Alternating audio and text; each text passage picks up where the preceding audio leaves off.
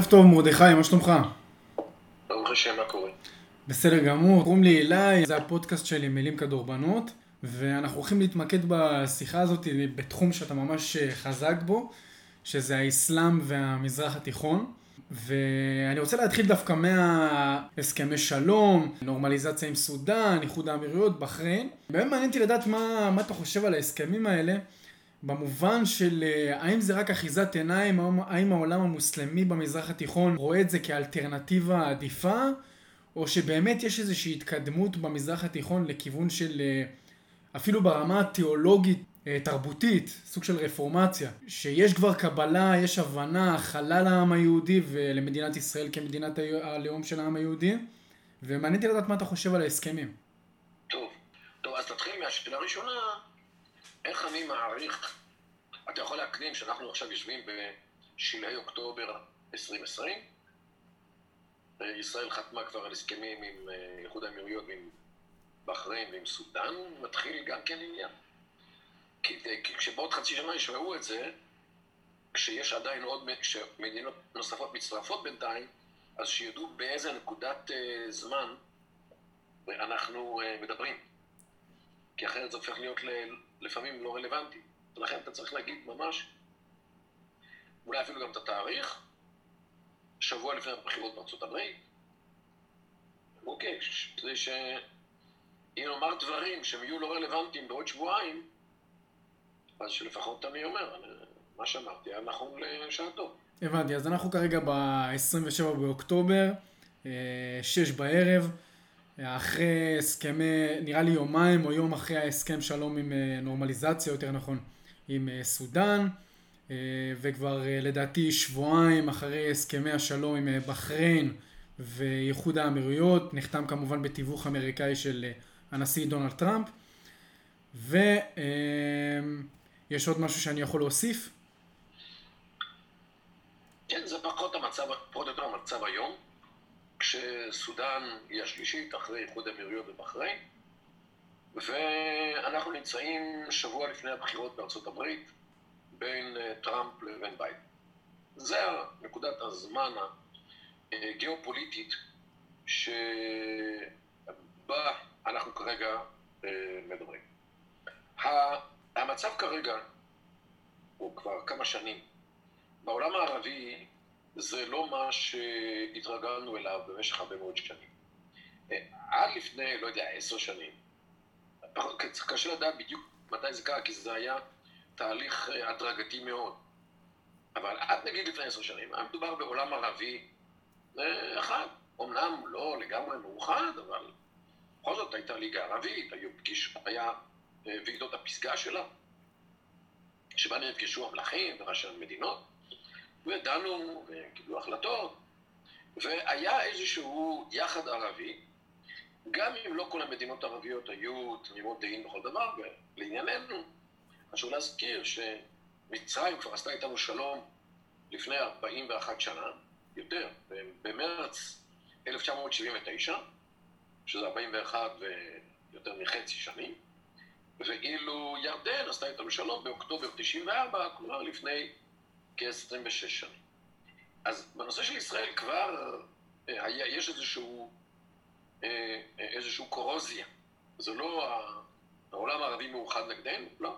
שתי מדינות חשובות, מדינות שגובלות איתה, אה, שמהוות, אם כן, איום ישיר על ישראל, לפחות פוטנציאלי, עשו איתנו שלום. אז נכון שזה לא שלום חם, מה שנקרא נורמליזציה, אבל עדיין אה, השלום הכי גרוע עדיף על פני המלחמה הכי טובה. כך שזה אה, מה שיש לישראל, והמזרח התיכון חי עם זה. אה, בשלום, עם שתי מדינות שרצו שלום עם ישראל, כדי שבעולם הערבי יבינו שהיו להם סיבות פנימיות, כלכליות, לעשות שלום עם ישראל, וקיבלו את זה. זה לא גרם לזעזוע גדול מדי בעולם הערבי. נכון, מצרים הייתה כמה שנים, אה, גירשו אותה מהליגה, אבל קיבלו אותה בחזרה. את ירדן אפילו לא גירשו. אה, שלא לדבר על הפלסטינים, אש"ף, שהוא גם כן חבר בליגה הערבית, שעשה שלום עם ישראל, כל פנים על פי הפרשנות שלו, בהסכמי אוסלו של 1993. כך העולם הערבי היה עדיין כעולם פחות או יותר מאוחד, עד לפני נגיד כעשר שנים. לפני כעשר שנים פרץ האביב הערבי, זה בעצם באוקטובר 2010, סליחה, בדצמבר 2010. זאת אומרת, עוד חודש יחגגו עשר שנים. ומאז כמה מדינות ערביות אה, הפכו להיות לבלתי מתפקדות, ודווקא אותן מדינות שהובילו את הלאומיות הערבית, את הקיצוניות הערבית, נדבר על סוריה, עיראק, אה, לוב, שהם היו שלושת המדינות הרדיקליות, מה שקראו להם פרוגרסיביות, כי הם סוציאליסטיות. וגם מצרים, אל תשכח, כשעד שעשתה שלום איתנו, היא הייתה מדינה ש... כן, בשביל גמל עבד אל-נאצר, שהיא בנתה את כל הישות שלה ללאומיות הערבית, שגמל עבד אל-נאצר הוביל, והוא היה הרי המלך הלא מוכתר של כל העולם הערבי, עקב הפרופגנדה שלו בשנות ה-50 וה-60. כך שבסך אה, הכל, המדינות הפרוגרסיביות, שהן היו גם, כך או אחרת, תחת החסות של ברית המועצות באותם ימים, הם היו אלו שנתנו את הטון בעולם הערבי. כשפרץ האביב הערבי בשנת 2010, נראה שדווקא המדינות הללו נפלו אה, והתפרקו. עיראק כבר מפורקת, לא מתפקדת. אה, עוד מאז הפלישה האמריקאית של 2003, יחד עם עוד מדינות נאט"ו, ב-2003. אה, ב-2010 זה רק הוחמר. סוריה, זה התחיל במרץ 2011, אה, ומאז היא ביצה של דם, דמעות ואש. תימן, שגם כן היא הייתה מרקסיסטית, חלקה הדרומי, עד שנות התשעים, אה, גם היא מפורקת, אחרי שהתאחדה, עכשיו היא מפורקת לגמרי לשבטים ולכל מיני קבוצות אחרות, כמו חות'ים בממשלה, שיעים וסונים וכל מיני אחרים. לוב מפורקת בין, היום שתי ממשלות, אבל קודם לכן שבטים נלחמו זה, זה עם זה. ויצא שדווקא המדינות הללו, שהן היו נושאות הדגל הלאומיות אה, הערבי נגד ישראל, הם הפכו להיות למדינות הכושלות, שהחלל, הריק, הוואקום השלטוני שנוצר בהן, בגלל הסכסוכים הפנימיים ובגלל המלחמה הפנימית, משך לתוכו גורמים חיצוניים, ובראשם את איראן. וככה איראן הצליחה במה, במהלכים מדודים במהלך העשר שנים האחרונות להחדיר את תומכיה, את הכסף שלה, את ההדרכה שלה, את הנשק שלה, את התחמושת ואת האג'נדה שלה לתוך המדינות הללו, והשתלטה על הפוליטיקה מבפנים. זאת אומרת, כמו איזשהו, לא עלינו, גוף סרטני, שמתפתח בגוף כאילו שהוא איבר תקין, ואז מתחיל לתקוף אחרי שכבר גדול מדי וקשה לעקור. אל תשכח שקודם לכן, כבר בשנות ה-80, איראן הצליחה כבר לחדור לתוך אה, לבנון. כן, חיזבאללה. עכשיו יש חיזבאללה עם, עם הציבור השיעי.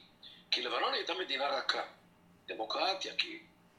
ולכן אתה יכול אה, בדמוקרטיה לשלוח תועמלנים וכסף וספרים, ספרי לימוד, מדריכים, ומורים, ולהקים מוסדות, ולהקים בתי חולים, ולהקים מיליציות, וכל הדברים הללו. זה לבנון. אה, כן, די דומה כמו אצלנו, שמדינה דמוקרטית מאפשרת לכל מיני גופים ומדינות זרים להתערב בענייני הפנימיים. זה בדיוק מה שעשתה איראן אה, בלבנון. לכן מה יצא מצב? שלאורך העשר שנים האחרונות אה, לבנון זה כבר 40 שנה, אבל לאורך העשר שנים האחרונות הצטרפו ללבנון עיראק, שהתחילה כבר ב-2004, איראן התחילה שם כבר להתערב בעניינים, אחרי שארצות הברית העיפה את השונא הגדול של איראן, הלוא הוא סדאם חוסיין. בהמשך הצטרפה אליהם סוריה, שגם היא הפכה להיות לא מתפקדת בגלל הבלאגן שהתחיל שם במרץ של 2011.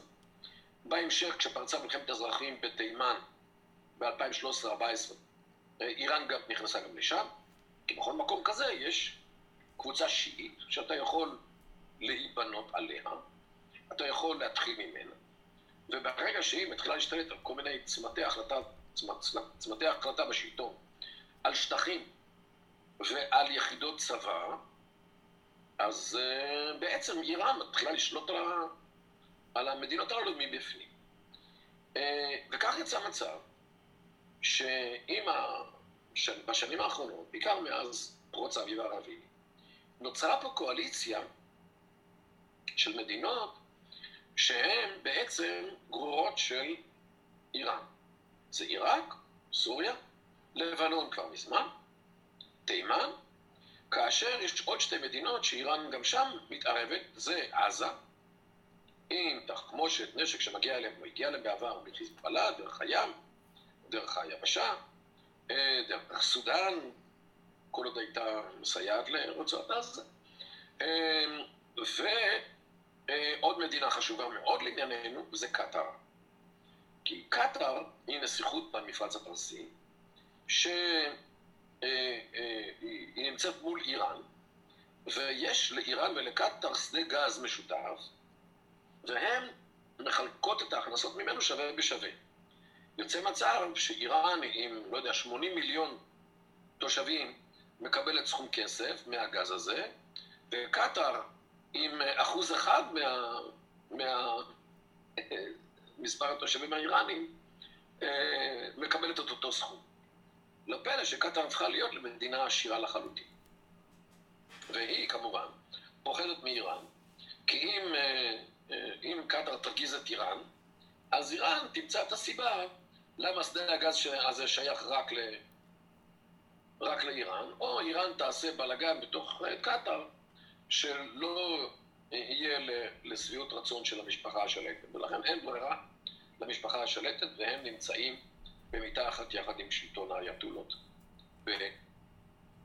באיראן, כאשר כל חצי האי ערב, אה, שאר חצי האי ערב, כווית, אומן, איחוד האמירויות, סעודיה, תימן, אה, נמצאות במקום אחר. אז נכון, תימן יחד עם איראן, בעיקר המורדים החות'ים, אבל הממשלה לא, הממשלה יחד עם סעודיה. אבל קטאר היא לחלוטין במיטה האיראנית.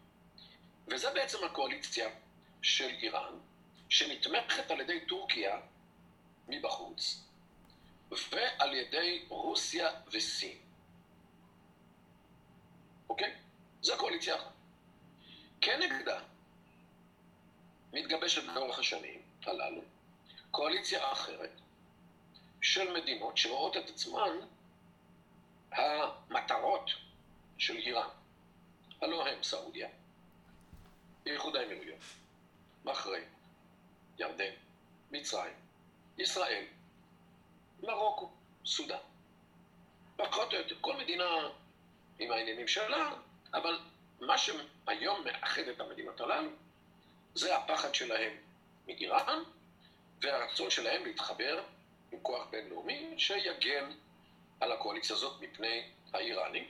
והכוח הזה, בארבע שנים האחרונות, זה היה טראמפ. זאת אומרת, ארצות הברית של אמריקה, וזה בהחלט היה שינוי לטובה, מכיוון שעד 2016 גם ארצות הברית הייתה מאחורי הקואליציה האיראנית. כיוון שארצות הברית של אובמה וביידן כסגנו חיזקו את איראן בכל דרך אפשרית. נתנו להם את הסכם הגרעין ב-2015. אה, הם אה, אה, לא הטילו עליהם שום סנקציות. וגם כשהאיראנים הצדיקו סנקציות, גם זה לא, לא קרה כלום. ובסך הכל, אובמה ניהל מדיניות של אפיזמנט, של פיוס כלפי האיראנים, ו, ופעל באופן קשה כנגד הקואליציה של סעודיה. למשל, תמך באחים המוסלמים במצרים כנגד מובארק.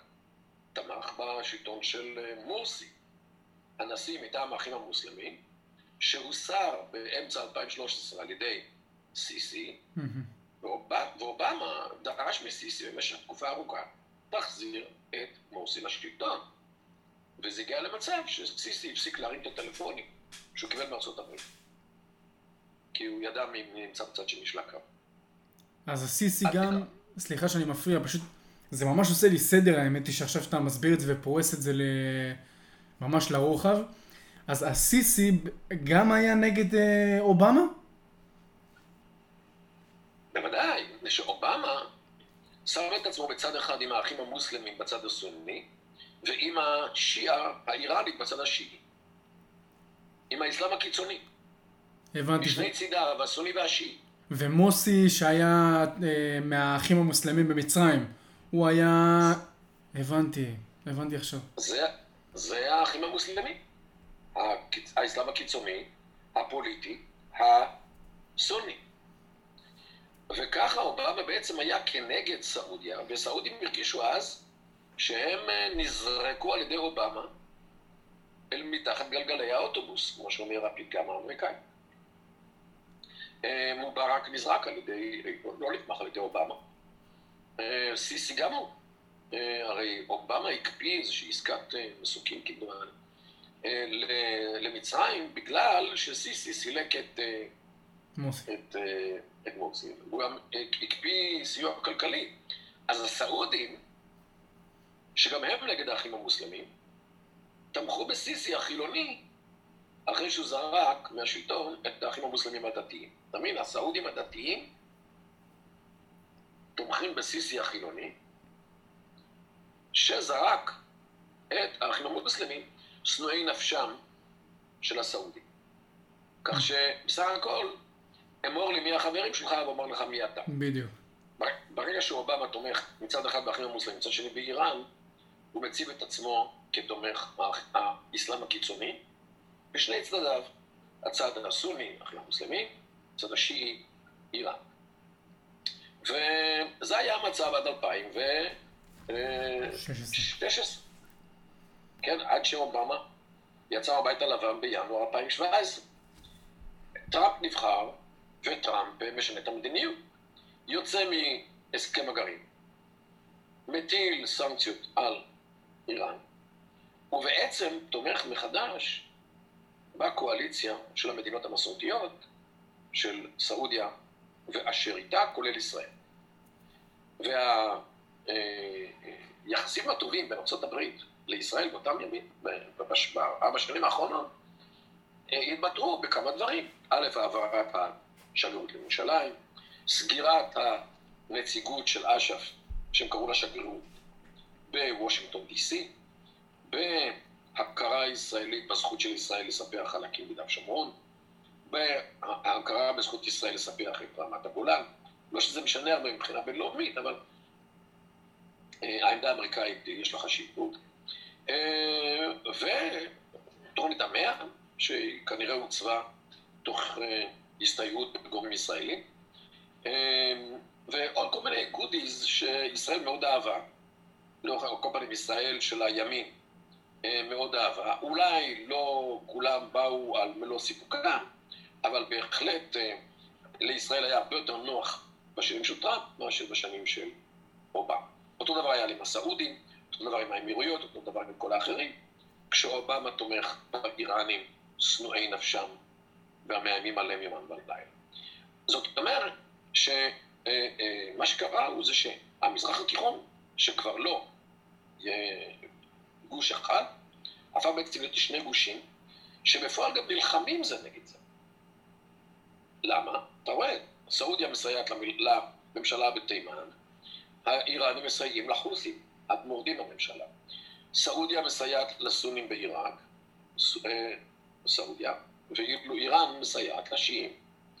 בסוריה השלטון מסייע, הסעודים מסייעים לה, כל פנים חלקם, מסייעים לתנועות המורדים באסד, ואילו איראן תומכת באסד. שהעלווים הם בעצם איזשהו כת שיצא מהשיעה. בלבנון זה ברור, בלבנון זה ברור. חרירי הוא אה, ילד טיפוחיהם פחות או יותר של הסעודים.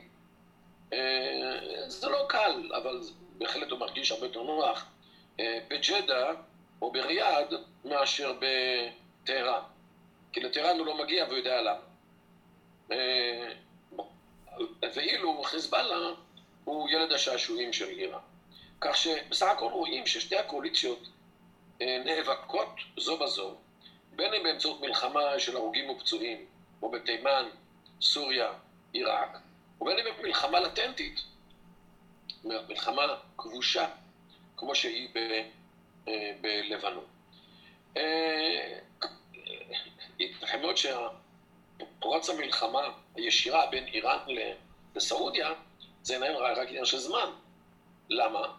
כי אל תשכח שבספטמבר 2019, באמצע ספטמבר, אה, איראן תקפה בלילה אחד מתקני נפט סעודים, שהשביתו למשך תקופה לא קצרה את אה, יצוא, כ-50 אחוז מייצוא הנפט הסעודי. לסעודים זו הייתה פגיעה נורא ואיומה. וזו הייתה פגיעה ישירה בסעודיה. אה, בסדר, אז האיראנים היו חכמים, לא, לא שיקרו את הדברים הללו. לא את הטילים ולא את המזל"טים ולא את המל"טים. מאיראן עצמה, כדי לא לחשוף את עצמם לכל מיני מדינות בעולם, אה, אלא שיגרו את זה מכל מיני אה, שטחים שנאמניהם שולחים, שולטים בהם, בין אם זה בעיראק או בין אם זה תימן. כך שבסך הכל, ולכן לסעודיה לא הייתה גם, אה, לא היה תירוץ לנקום באיראן. חוץ מזה שאני גם לא בטוח שסעודיה נמצאת במצב של יכולת צבאית להסתבך עם איראן. כי בסך הכל איראן זה מדינה די חזקה עם צבא די גדול. שאתה לא רוצה להסתבך איתה. ולאור הביצועים הלא מזהירים של הסעודים בתימן, אני לא בטוח שהסעודים רוצים להיכנס לעוד מלחמה, הפעם מול איראן. ולכן הם העדיפו לבלוע את הצפרדע הקשה הזאת שהם האכילו אותם, האיראנים, ולא לנקום ולא להגיב. אולי הם מחכים לאיזושהי אה, אה, שעת כושר שתגיע אולי בהמשך. בכל מקרה, אה, איראן, על כל פנים, בגלל הסנקציות האמריקאיות, נחלשה. נחלשה במשך השלוש שנים האחרונות, שלוש, בעיקר שנתיים, שנים האחרונות. המטבע האיראני בהידרדרות לא נורמלית. השווי שלו היום זה כמה אחוזים בודדים מהשווי שלו לפני ארבע שנים. מדובר במדינה שבשנת 2000 18 כמדומני, קיצצה יותר מ-50% מהתקציב שלה. כי אין הכנסות. תחשוב אצלנו איזה בלאגן יוצא כשמקצצים אחוז או שני אחוז רוחבי בין כל המשרדים של הממשלה. שמה הם הורידו כ-50 אחוז. מישהו אה, נפל מהכיסא? לא, אין ברירה. אה, כי כשאין כסף, אין ייצוא, כי מדינות לא קונות אה, נפט וגז איראני, בגלל הסנקציות האמריקאיות, אף מדינה לא רוצה לחשוף את עצמה לסנקציות אמריקאיות, אף בנק לא מוכן להעביר תשלומים לאיראן, כי אז הוא לא יוכל לעבוד בארצות הברית, אף חברת תובלה לא רוצה להתעסק עם הובלה מאיראן, כי לא תוכל להגיע לנמלי ארצות הברית, אף חברת נפט וגז לא תוכל שתשתף פעולה עם איראן, לא תוכל לנהל עסקים בארצות הברית. הקיצור, כל הסנקציות הללו אה, בהחלט אה, עשו את שלהן. ואפילו מדינות כמו הודו, שרכשו מאיראן כמויות אדירות של אנרגיה, נאלצו אה, למצוא אה, מקורות אחרים. ואיראן אה, נכנסה לקיפאון כלכלי קשה. כאשר הקיפאון הזה הגיע לשיאו, נגיד לפני שנה או שנה וחצי, היכולת של איראן לנהל את כל אותן מלחמות בתימן, בעיראק, בסוריה, וגם התמיכה שלה בחיזבאללה, תמיכה כספית, ירדה באופן דרסטי. ובמפרץ מערבי,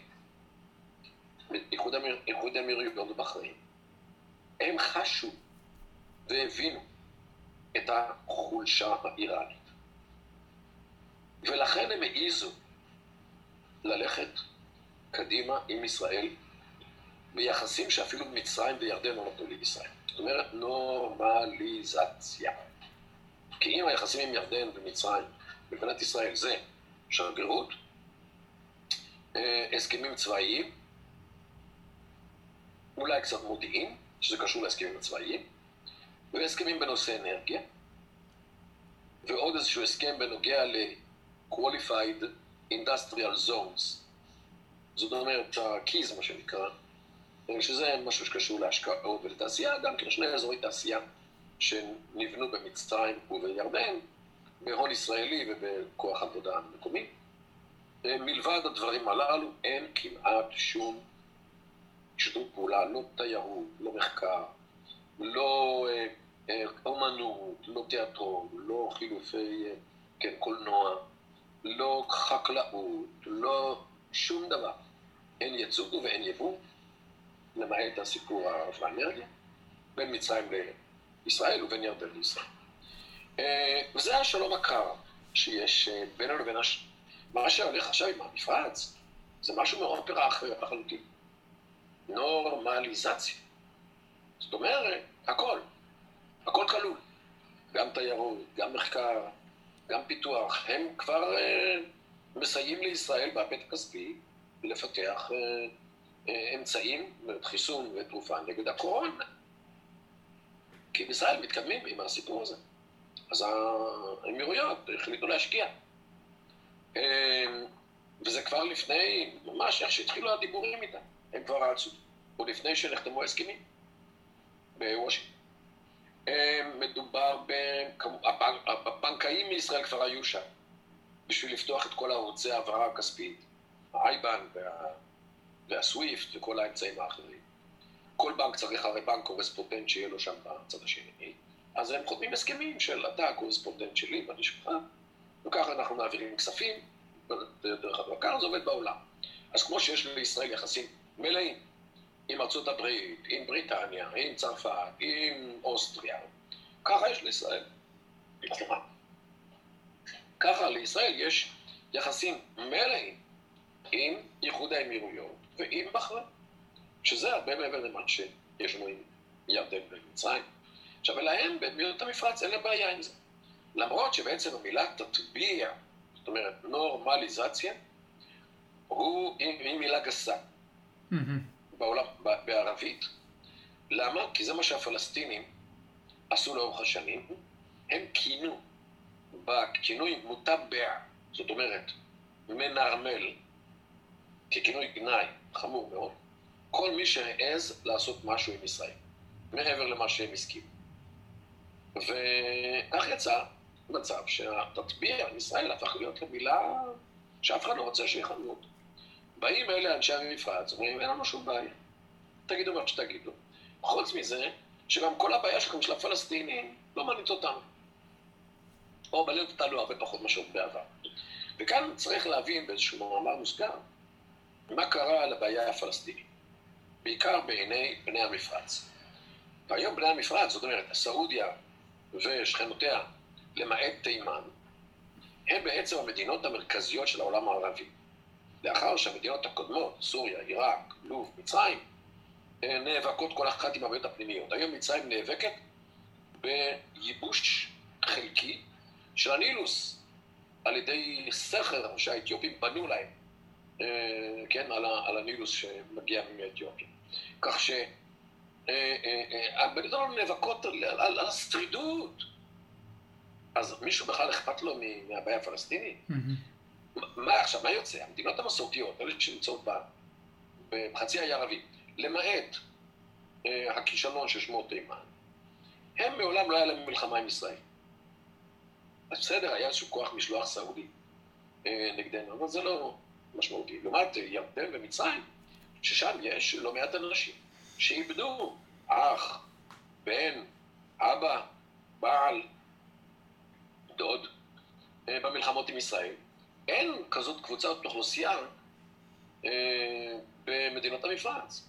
ולכן הם לא צריכים לעשות חשבון לאף אחד מבני המקום שמתנגדים לזה. גם אין שם פליטים פלסטינים, כן. כמו שיש בירדן. ולכן אה, אין, אין קבוצות אוכלוסייה שהתעצבנו על כזה, כזאת נורמליזציה שהם יעשו איתה. אגב, אפרופו ירדן, סליחה שאני מתפרץ, אפרופו ירדן, יש להם בעיה רצינית מאוד עם הפליטים הפלסטינים, לא? הם כמעט... בהחלט. רבע אחוז מה... בהחלט. סליחה, רבע מהאוכלוסייה שם? אף אחד לא יודע בדיוק כמה, מכיוון שבירדן לא עושים מפקד אוכלוסין. זה אינפורמציה מדי רגישה.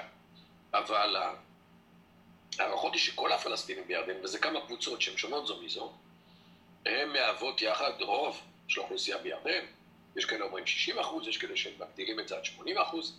האמת כנראה נמצאת אי שם בין המספרים הללו, כשבאמת הפליטים הם חלק, מה, מה, אה, אה, חלק מהקבוצה הזאת. אה, אבל עוד דבר כאן צריך לזכור. בעיית פלסטין התחילה ב-48. במדינות ששם האוכלוסייה צעירה יחסית, אף אחד לא זוכר את זה מניסיון חייו. הוא אולי יודע את זה ממה שהוא למד בבית ספר, או שמע ברדיו ושמע בטלוויזיה. אבל מבחינתם זה משהו שהם שמעו עליו. זה לא דבר שהם חוו אותו, על כל פנים לא היו בזמן. כן, כי תחשוב שכל מישהו, כן, זה היה לפני 72 שנה, ב-48, אז כל מישהו היום פחות מגיל 80, אז הוא לא, לא מודע אישית, ישירות, לסיפור הזה. בהנחה שמגיל שמונה אתה מתחיל כבר להבין מה קורה. אה, ויש בזה מה שנקרא קורוזיה. תראה, גם, גם הנושא של מקביל, נגיד, אה, השואה. התודעה של זיכרון השואה הולכת ו... הולכת ומתפוגגת. בוודאי אצל עמים אחרים, אבל לצערנו גם אצלנו. גם אצלנו. בוודאי. מה, השואה היא דבר שמכוון את צעדינו בכל צעד ושעל? ממש לא. בוודאי כשמדובר בקבוצות יהודיות בחוץ לארץ. בארצות הברית, היהודים הליברליים, אלה שמצביעי הדמוקרטים, אכפת להם וזוכרים בכלל את השואה, בכלל מודעים לה. זה לא חלק מה... מה mindset שלהם, לא חלק מעולם השיקולים שלהם. למה? כי זה היה לפני תרפפ"ו. מי זוכר דברים שהיו לפני 80 אה, שנה? כך ש... אה, דבר קרה גם, גם לבעיה הפלסטינית. ולכן היום הצעירים, שהם, יש להם אג'נדה אחרת, אה, מסרבים להיות משועבדים לבעיית פלסטין. זה, זה מגיע עד לכך שהצעירים הללו, שהם יודעים טוב מאוד איך להתעסק עם כל מיני תוכנות מתוחכמות, מעלים השטגים לטוויטר, אה, פלסטין לייסט קדייתי, למשל, פלסטין היא לא בעייתי, כאשר את המילה בעייתי הם גם כותבים בטעות, אה, טעות כתיב מכוונת, כמעין ביטוי לזלזול.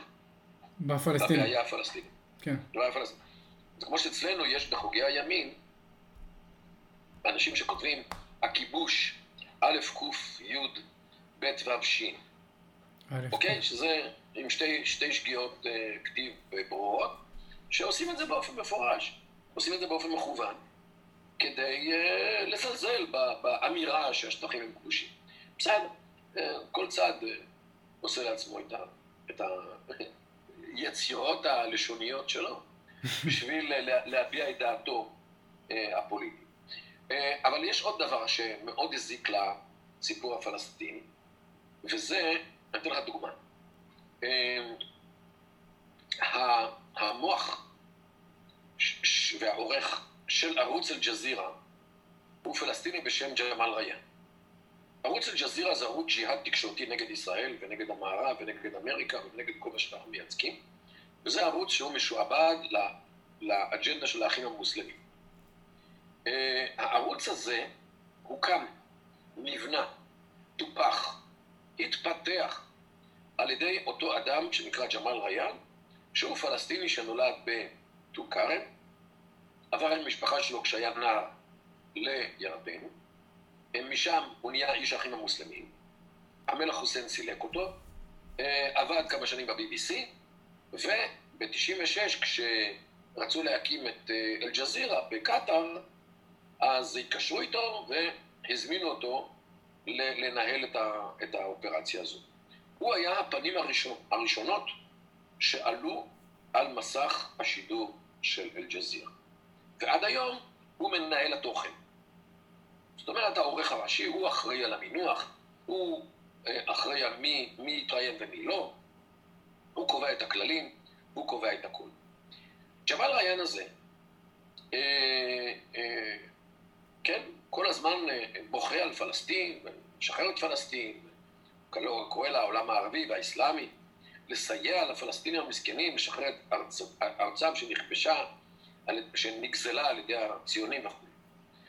אה, לפני כמה שנים התברר שאבא שלו, מוסטפא ריאן, היה סוחר קרקעות עוד לפני קום המדינה.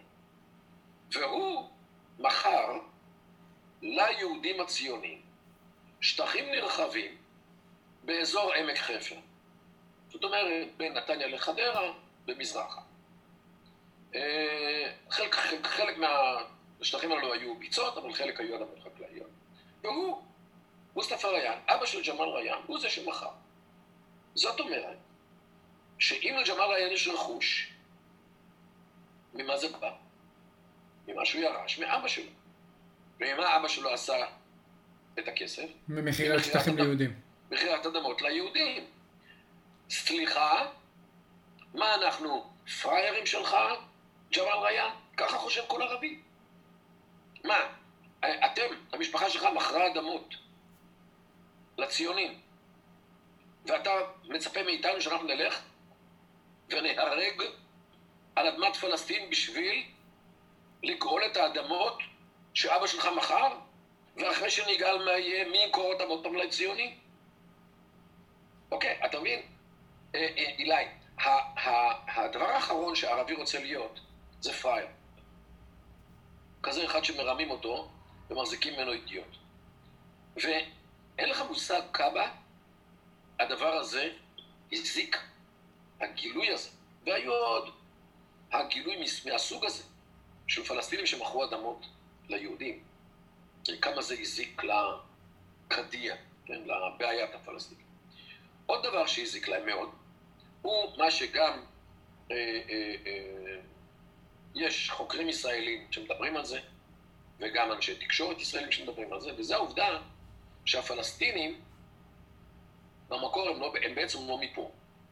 כי יש להם כל מיני משפחות שהשמות שלהם זה למשל אל-מסרי, שזה המצרי.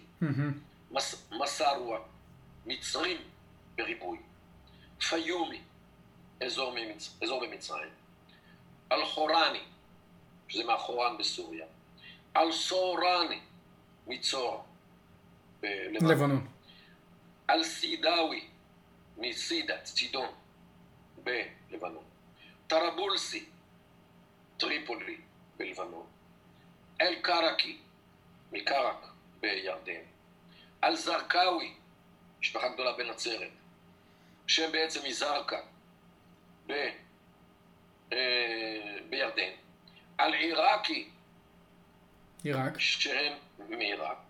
אדוני, אה, והכי יפה, יש, יש לנו פה בכפר מנדה משפחה שנקראת בושנק, שמשמעותו מבוסניה. זאת אומרת, בכלל מוסלמים שהטורקים עוד הביאו מבוסניה. אז הערבי, שרואה בעצמו ערבי מקורי, שחי בחצי האי ערב עד היום, כן, האמירויות, הסעודים, שואל את עצמו, רגע, רגע, רגע, הרי אתם לא ערבים. אתם צ'רקסים, כי גם זה יש פה, ואתם בוסנים, ואתם מצרים, וסורים, וירדנים, וקזחים, ואוזבקים, וכל הארמנים, וכל העמים שהיו פה והלכו מפה והשאירו פה אנשים, אז ממתי אתם בכלל ערבים? אתם אומנם מדברים ערבית, כי זה מה שמדברים באזור, אבל אתם בכלל לא ערבים. אז למה שאנחנו הערבים נשעבד את עתידנו ואולי גם את חיינו כדי לשחרר את אדמת פלסטין שהיא בכלל לא אדמה ערבית? היא מחוץ לחצי האי ערב. היא לא אדמה ערבית, היא שייכת ליהודים. ואתה מוצא היום סעודים שאומרים את זה ברשת עם פנים גלויים. ותאמין לי, אם השלטון בסעודיה לא היה מסכים שהם יגידו את זה, הם לא היו עושים את זה בפנים גלויים, אבל לא היו עושים את זה גם בפנים מוסתרים, כי אפשר יהיה למצוא אותם מי, אמר את זה. זאת אומרת, זה שהסעודים היום אומרים בפה מלא לפלסטינים, אתם, אתם בכלל לא עם ערבי, ו, וארץ ישראל, כן, הפלסטין שייכת ליהודים, זה אמירה שהשלטון הסעודי לא עושה כלום נגדה. והאי עשייה אומרת המון על עמדתו כלפי האמירה הזו. תוסיף לזה עוד שני דברים מאוד חשובים. האחד הוא הסיפור של ירושלים. עבדך הנאמן כבר בשנת 2008 העלה סרט ליוטיוב, שבו לראשונה בהיסטוריה של היוטיוב, מישהו מעלה ספק לגבי הימצאותו של אל-אקצא, של מסגד אל-אקצא בירושלים. זה מבוסס על מסורת אסלאמית שמדברת על כך שאל-אקצא היה בכפר ג'וארן, שנמצא משהו כמו 29 או 30 קילומטר מצפון מזרח למכה, בתוך סעודיה של היום. ואני כבר העליתי את זה אז לאינטרנט לפני 12 שנים. מאז, אה, לא מעט אה, ערבים וחוקרי אסלאם שנחשפו לדבר הזה, אה, הדהדו את זה. מצאו עוד מקורות, הרחיבו את הדבר הזה, וזה הפך להיות לדבר שרץ ברשתות. אה, עם הזמן הצטרף פייסבוק, ואנשים התחילו לפרסם את הדברים האלו בפייסבוק. יותר מאוחר הגיע גם טוויטר, ועכשיו על הפלטפורמה הזאת אתה מפיץ את הדבר הזה. לפני כמה ימים אה, עשיתי בטוויטר הערבי אה, מש, משאל דעת קהל, ש, שבו אני שואל את הקוראים שלי, ויש לי כרגע משהו כמו 11 וחצי אלף כשאנחנו מדברים. אה, אני שאלתי שמה את, ה, את העוקבים אחריי, כמה, אה, מה, מה דעתך על, ה, על העניין הזה שאל-אקצא המקורי הוא לא נמצא בירושלים, אלא הוא בג'ורנה, שב... כן, בסעודיה.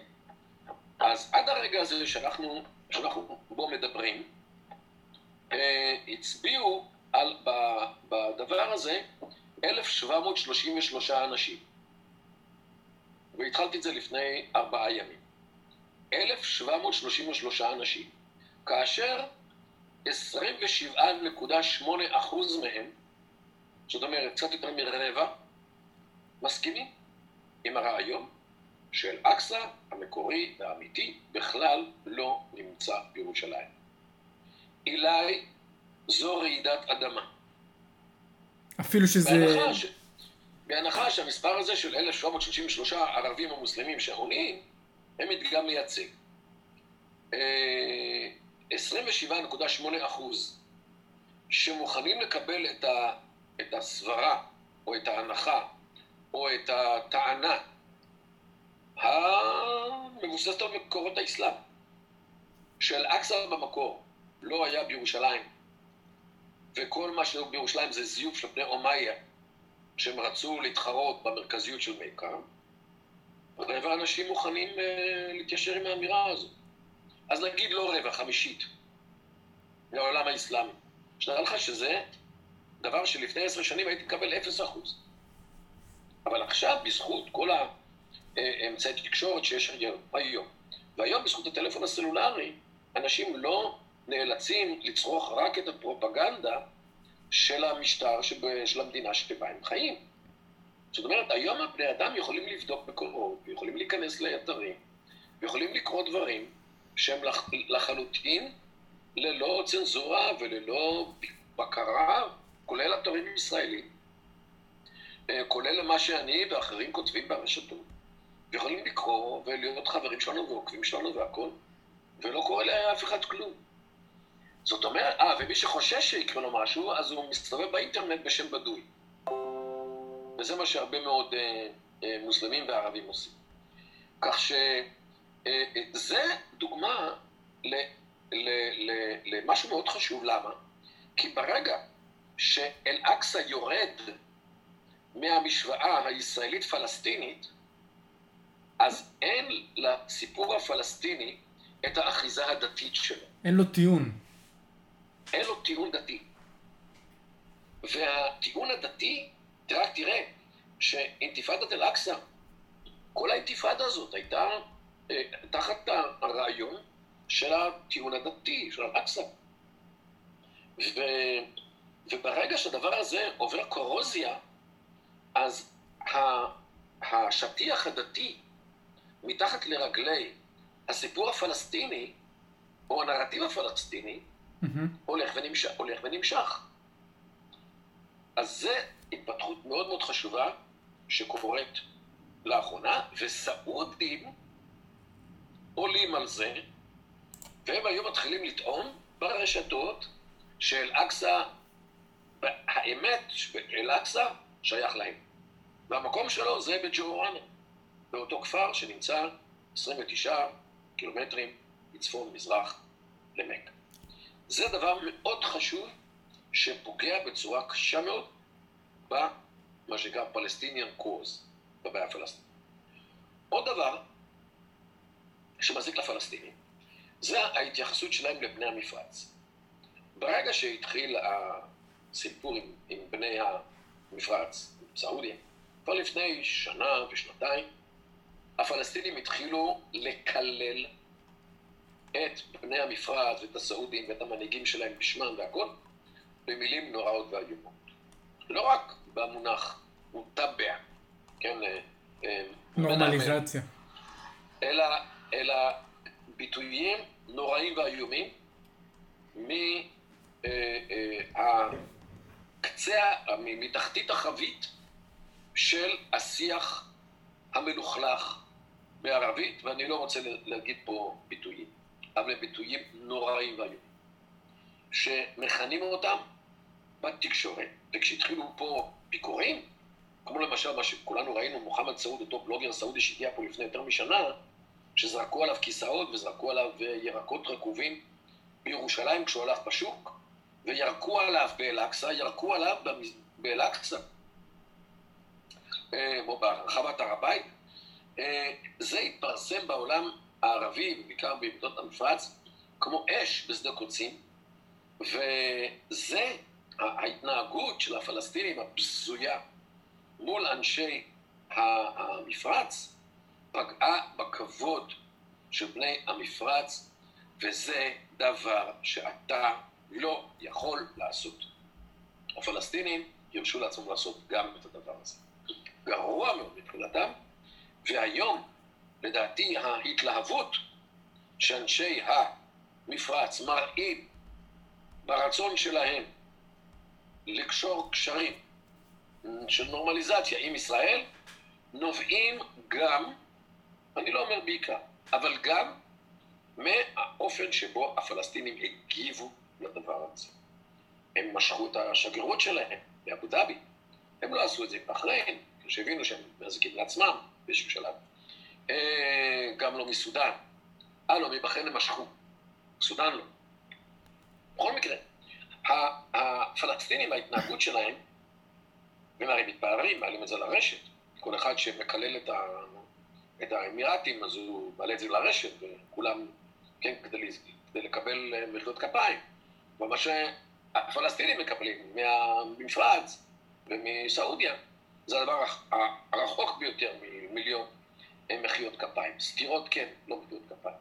הביטויים שבהם משתמשים אה, אנשי המפרץ, גרועים ורעים בערך כמו אלו של הפלסטינים. זאת אומרת, גם הם יודעים לרדת נמוך ולהוציא משם אה, ביטויים נמוכים מאוד נגד הפלסטינים. עכשיו, כשאתה רואה את כל ההידרדרות הזאת של הסיפור הפלסטיני, גם הזמן שעבר, גם מה שהתברר שהפלסטינים מכרו אדמות, גם מה שהתברר שלא מעט מהפלסטינים הם בכלל מעמים אחרים, גם מה שהפלסטינים אה, אה, כן, מקללים ויורקים ומתייחסים לאנשי המפרץ.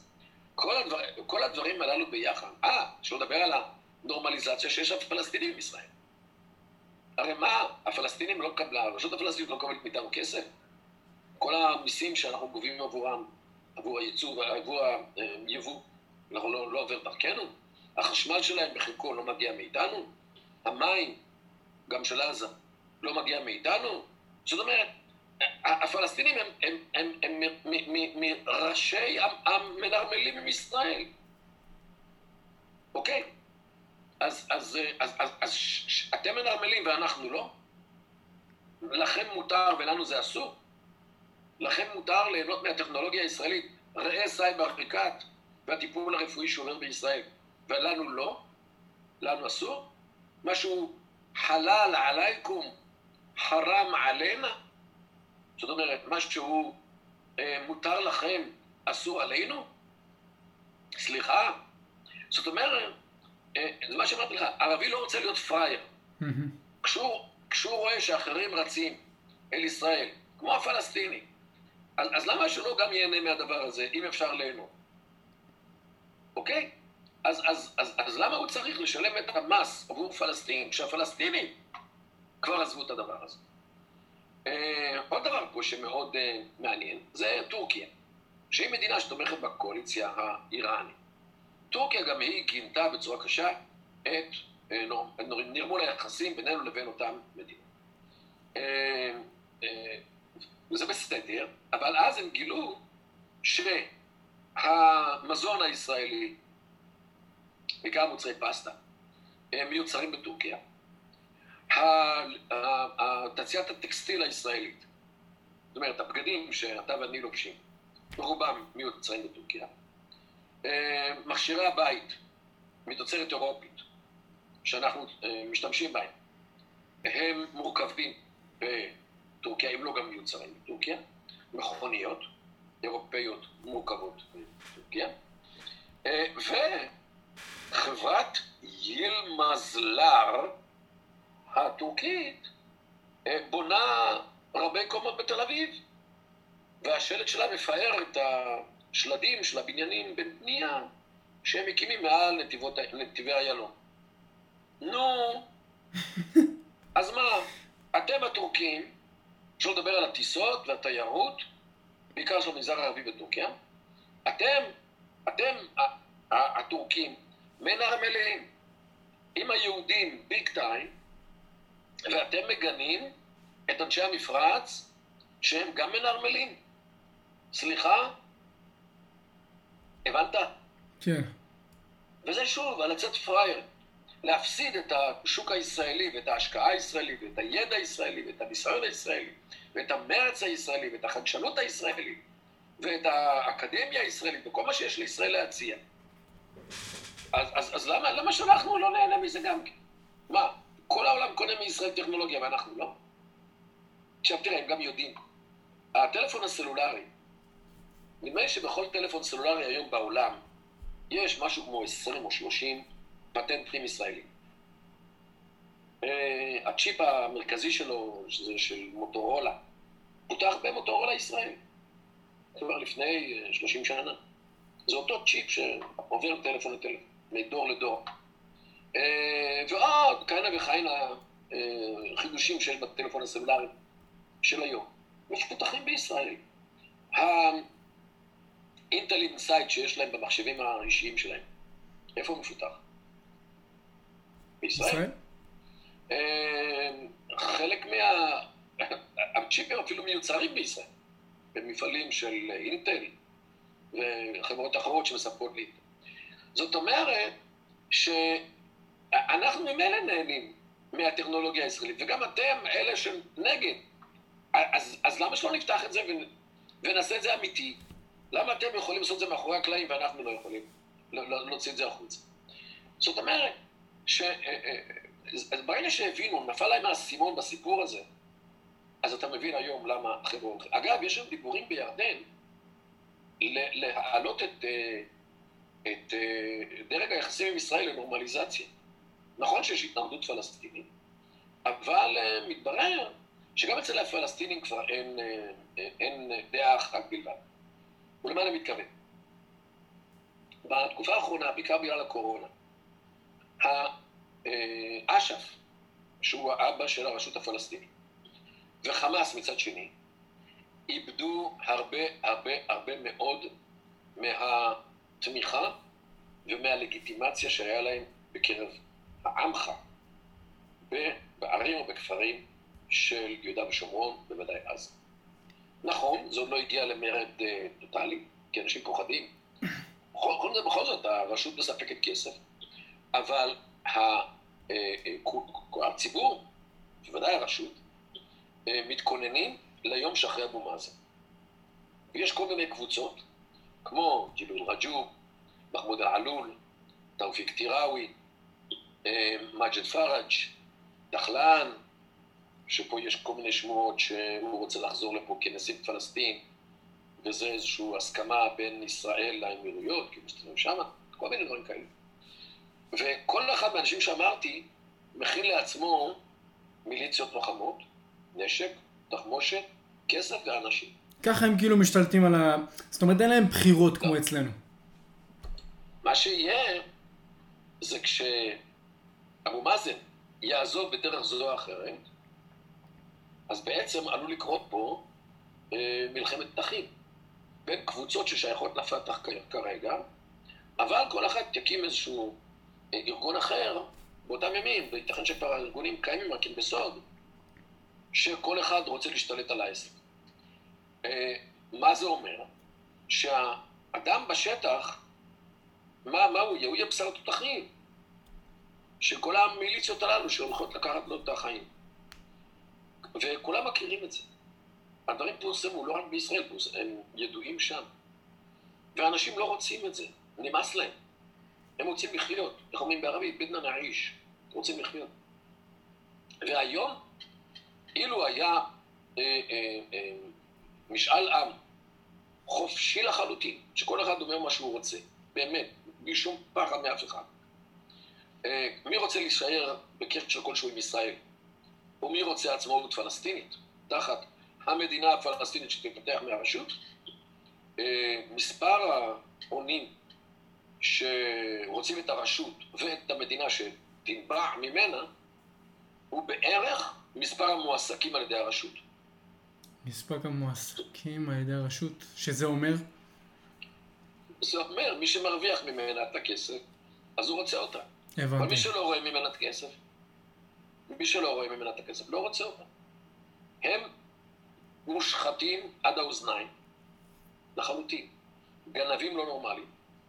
אה, הגיעו אליהם, מי- מישהו ישב, אני לא בדקתי את המספרים, אבל מישהו חישב שמאז 93, מאז הסכמי אוסלו, אולי אפילו קודם לכן, אה, הפלסטינים קיבלו מכל מיני מקורות בעולם, גם מהאירופאים, גם מהאמריקאים, גם מהמפרץ, גם ממקומות אחרים, קיבלו כ-63 מיליארד דולר.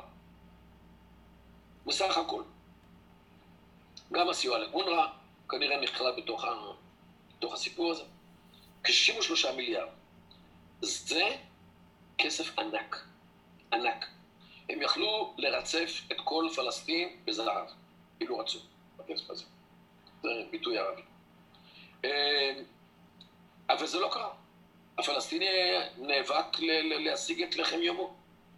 איפה המיליונים? יש כזה שיר פלסטיני, ון אל מלאיין. איפה המיליונים? איפה הביליונים? ון אל מלאיין. זאת אומרת, מי לקח את הכסף? לחשבונות של מי זה נכנס. אז יודעים את הכסף שערפאת לקח. תשמע, כשערפאת, ערפאת הרי כל הכספים שהוא נתן לנו, הוא לא החזיק עצמו כסף על עצמו, אלא על עצמו הוא החזיק בכיסים הפנימיים של החליפה הצבאית שלו פתקים. למי הוא נתן מיליון, למי הוא נתן שני מיליון, כדי שישמרו את זה בחשבונות הבנק שלהם. הוא כתב מחמוד, מוחמד, מוסטפא, והוא ידע בדיוק מי זה מחמוד, מי זה מוחמד, מי זה מוסטפא.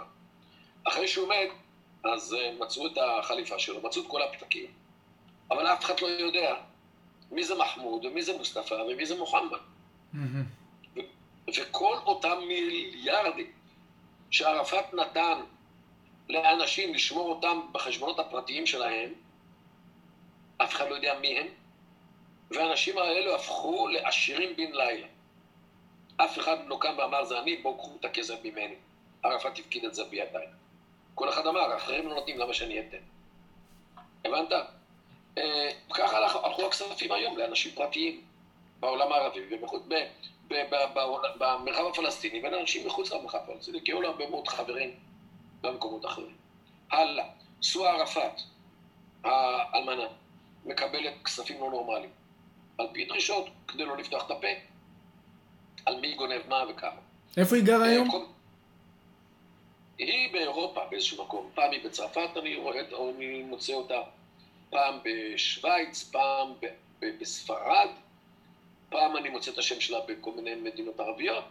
היא לא באופן קבוע במקום בודד, אה, ולאורך השנים ראיתי אותה נודדת ממקום למקום. אה, פעם ראיתי אותה באיזשהו רחוב, תמונות שלה, כן. יחד עם הבת שלה, זאווה, אה, נדמה לי בניו יורק זה היה, גם לשם היא הגיעה. זאת אומרת, והיא לא היחידה, יש הרבה מאוד אנשים שנותנים להם דמי לא יחרץ, כדי שלא יספרו על, ה, על השחיתות. תראה, אה, אה, אה, שכחתי את שמו, איש אחד שהיה איש הכספים בלשכה של אבו מאזן, ברח משם, הוא נמצא היום כמדומני בשוויץ, והוא העלה לאינטרנט קליפ, וידאו, עם, עם פנים, הוא מדבר עם, הפ, עם הפנים למצלמה, פנים גלויים, שבו הוא מספר את כל השחיתויות בלשכה של אבו מאזן. אתן לך דוגמה, בלשכה של אבו מאזן יש חוק שאחרי חצי שנה שורפים את כל המסמכים. כדי לא... אתה, מבין מה, מה המשמעות? אין אפשרות לחקור. כן. כלום. כלום. אין אפשרות לבדוק מי עשה מה, באיזה סכום וכמה. אין שום דרך לבדוק מי נתן את ההוראות, אין שום דרך לבדוק מי קיבל, אין שום דרך לבדוק איך התקבלו החלטות, כל הדברים הללו. זה הלשכה שלה, ככה מתנהלת הלשכה של אבו מאזן. אפשר לדבר על התצלום של הארמון של אבו מאזן, אה, שגם כן עלה כמה מיליונים, והאלה במפרץ שואלים, רגע, רגע, רגע, אם אתם כל מסכנים, אז uh, למה אבו מאזן בונה כזה ארמון? אפשר לדבר על המטוס הפרטי שיש לו, שחונה באמ"ן. אוקיי? אז כל הדברים הללו, כשמתחילים לצאת uh, בעולם הערבי, אז uh, אנשים מתחילים לצחוק. זה בעיה זה? אפשר לדבר על מה ש... Uh, משפט ש... שאני פעם אמרתי אותו באיזשהו עימות uh, uh, שהיה לי, נדמה לי זה היה ב-I-24, וגם הוא אה, השתולל בעולם, בעולם הערבי, אה, כתבו אותו מתוך אותו אה, עימות, שבו אני אומר למתמודד הפלסטיני שהיה מולי, שאתם הפלסטינים צריכים להרים ידיים לאללה חמש פעמים ביום כשאתם מתפללים, ולהודות לו שהבעיה שלכם היא עם ישראל, ולא עם האחים שלכם בסוריה, בעיראק, בלבנון, במצרים, בירדן או בכל מדינה ערבית אחרת. אתם צריכים להודות לאל. שהבעיה שלכם היא איתנו. כי תארו לעצמכם מה היו עושים לכם האחים המושבעים שלכם. זה ביטוי, כי במקום אויבים מושבעים, אמרתי האחים מושבעים, בערבית. כך ש... והם מבינים בדיוק. והם יודעים בדיוק, גם, האדם בשטח יודע בדיוק מה היה קורה לו אם מישהו היה צריך להתמודד איתו, זה חייל סורי, או עיראקי או מצרי. אוקיי? ולכן היום העם האדם ברחוב הוא עם ישראל הרבה יותר מאשר עם הרשות הפלסטינית. הרבה יותר עם ישראל. אתן לך דוגמה, ואני אוכיח לך את זה. הרשות הפלסטינית היא באטרף של, של הצטרפות לאמנות בינלאומיות, כדי למצב את עצמה כמדינה בעלת אה, נוכחות בינלאומית. הם מצטרפים לכל אמנה שרק אפשר. לפני כשנה הם הצטרפו לאמנה שנקראת CEDAW, C-E-D-A-W. זה Convention on Eradication of all, uh, all, כן, כל הדרכים, all forms של, uh, נו, אפליות uh, נגד, נגד נשים. כן? אמנה נגד אפליות נגד נשים. סידה. אה, והם הצטרפו לזה. באמנה הזאת כתוב שמותר לאישה להתחתן אה, עם מי שהיא רוצה, כולל אישה אחרת, נישואים חד מיניים. היא יכולה להתחתן מתי שבא לה, זאת אומרת, היא לא חייבת להתחתן כשאבא אומר לה, היא יכולה לגור איפה שבא לה, זאת אומרת, היא לא חייבת לגור עם ההורים. אוקיי, האמנה הזאת אה, אה, מאוד מאוד מאוד בעייתית אה, לציבור מסורתי, כמו למשל לציבור בהר חברון. אה, לפני כמה חודשים, אה, מועצת המשפחות, החמולות, של הר חברון, אה, החליטה להקי, לעשות הפגנה נגד הרשות נגד ההצטרפות של הרשות לאמנת סידאו. להפגנה הזאת הגיעו כמה עשרות אלפי איש, והפגינו. זה היה לפני כמה חודשים.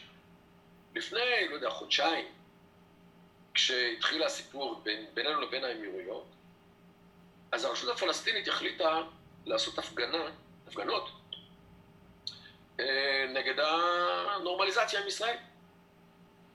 בהר חברון הגיעו להפגנה נגד הנורמליזציה מאה איש.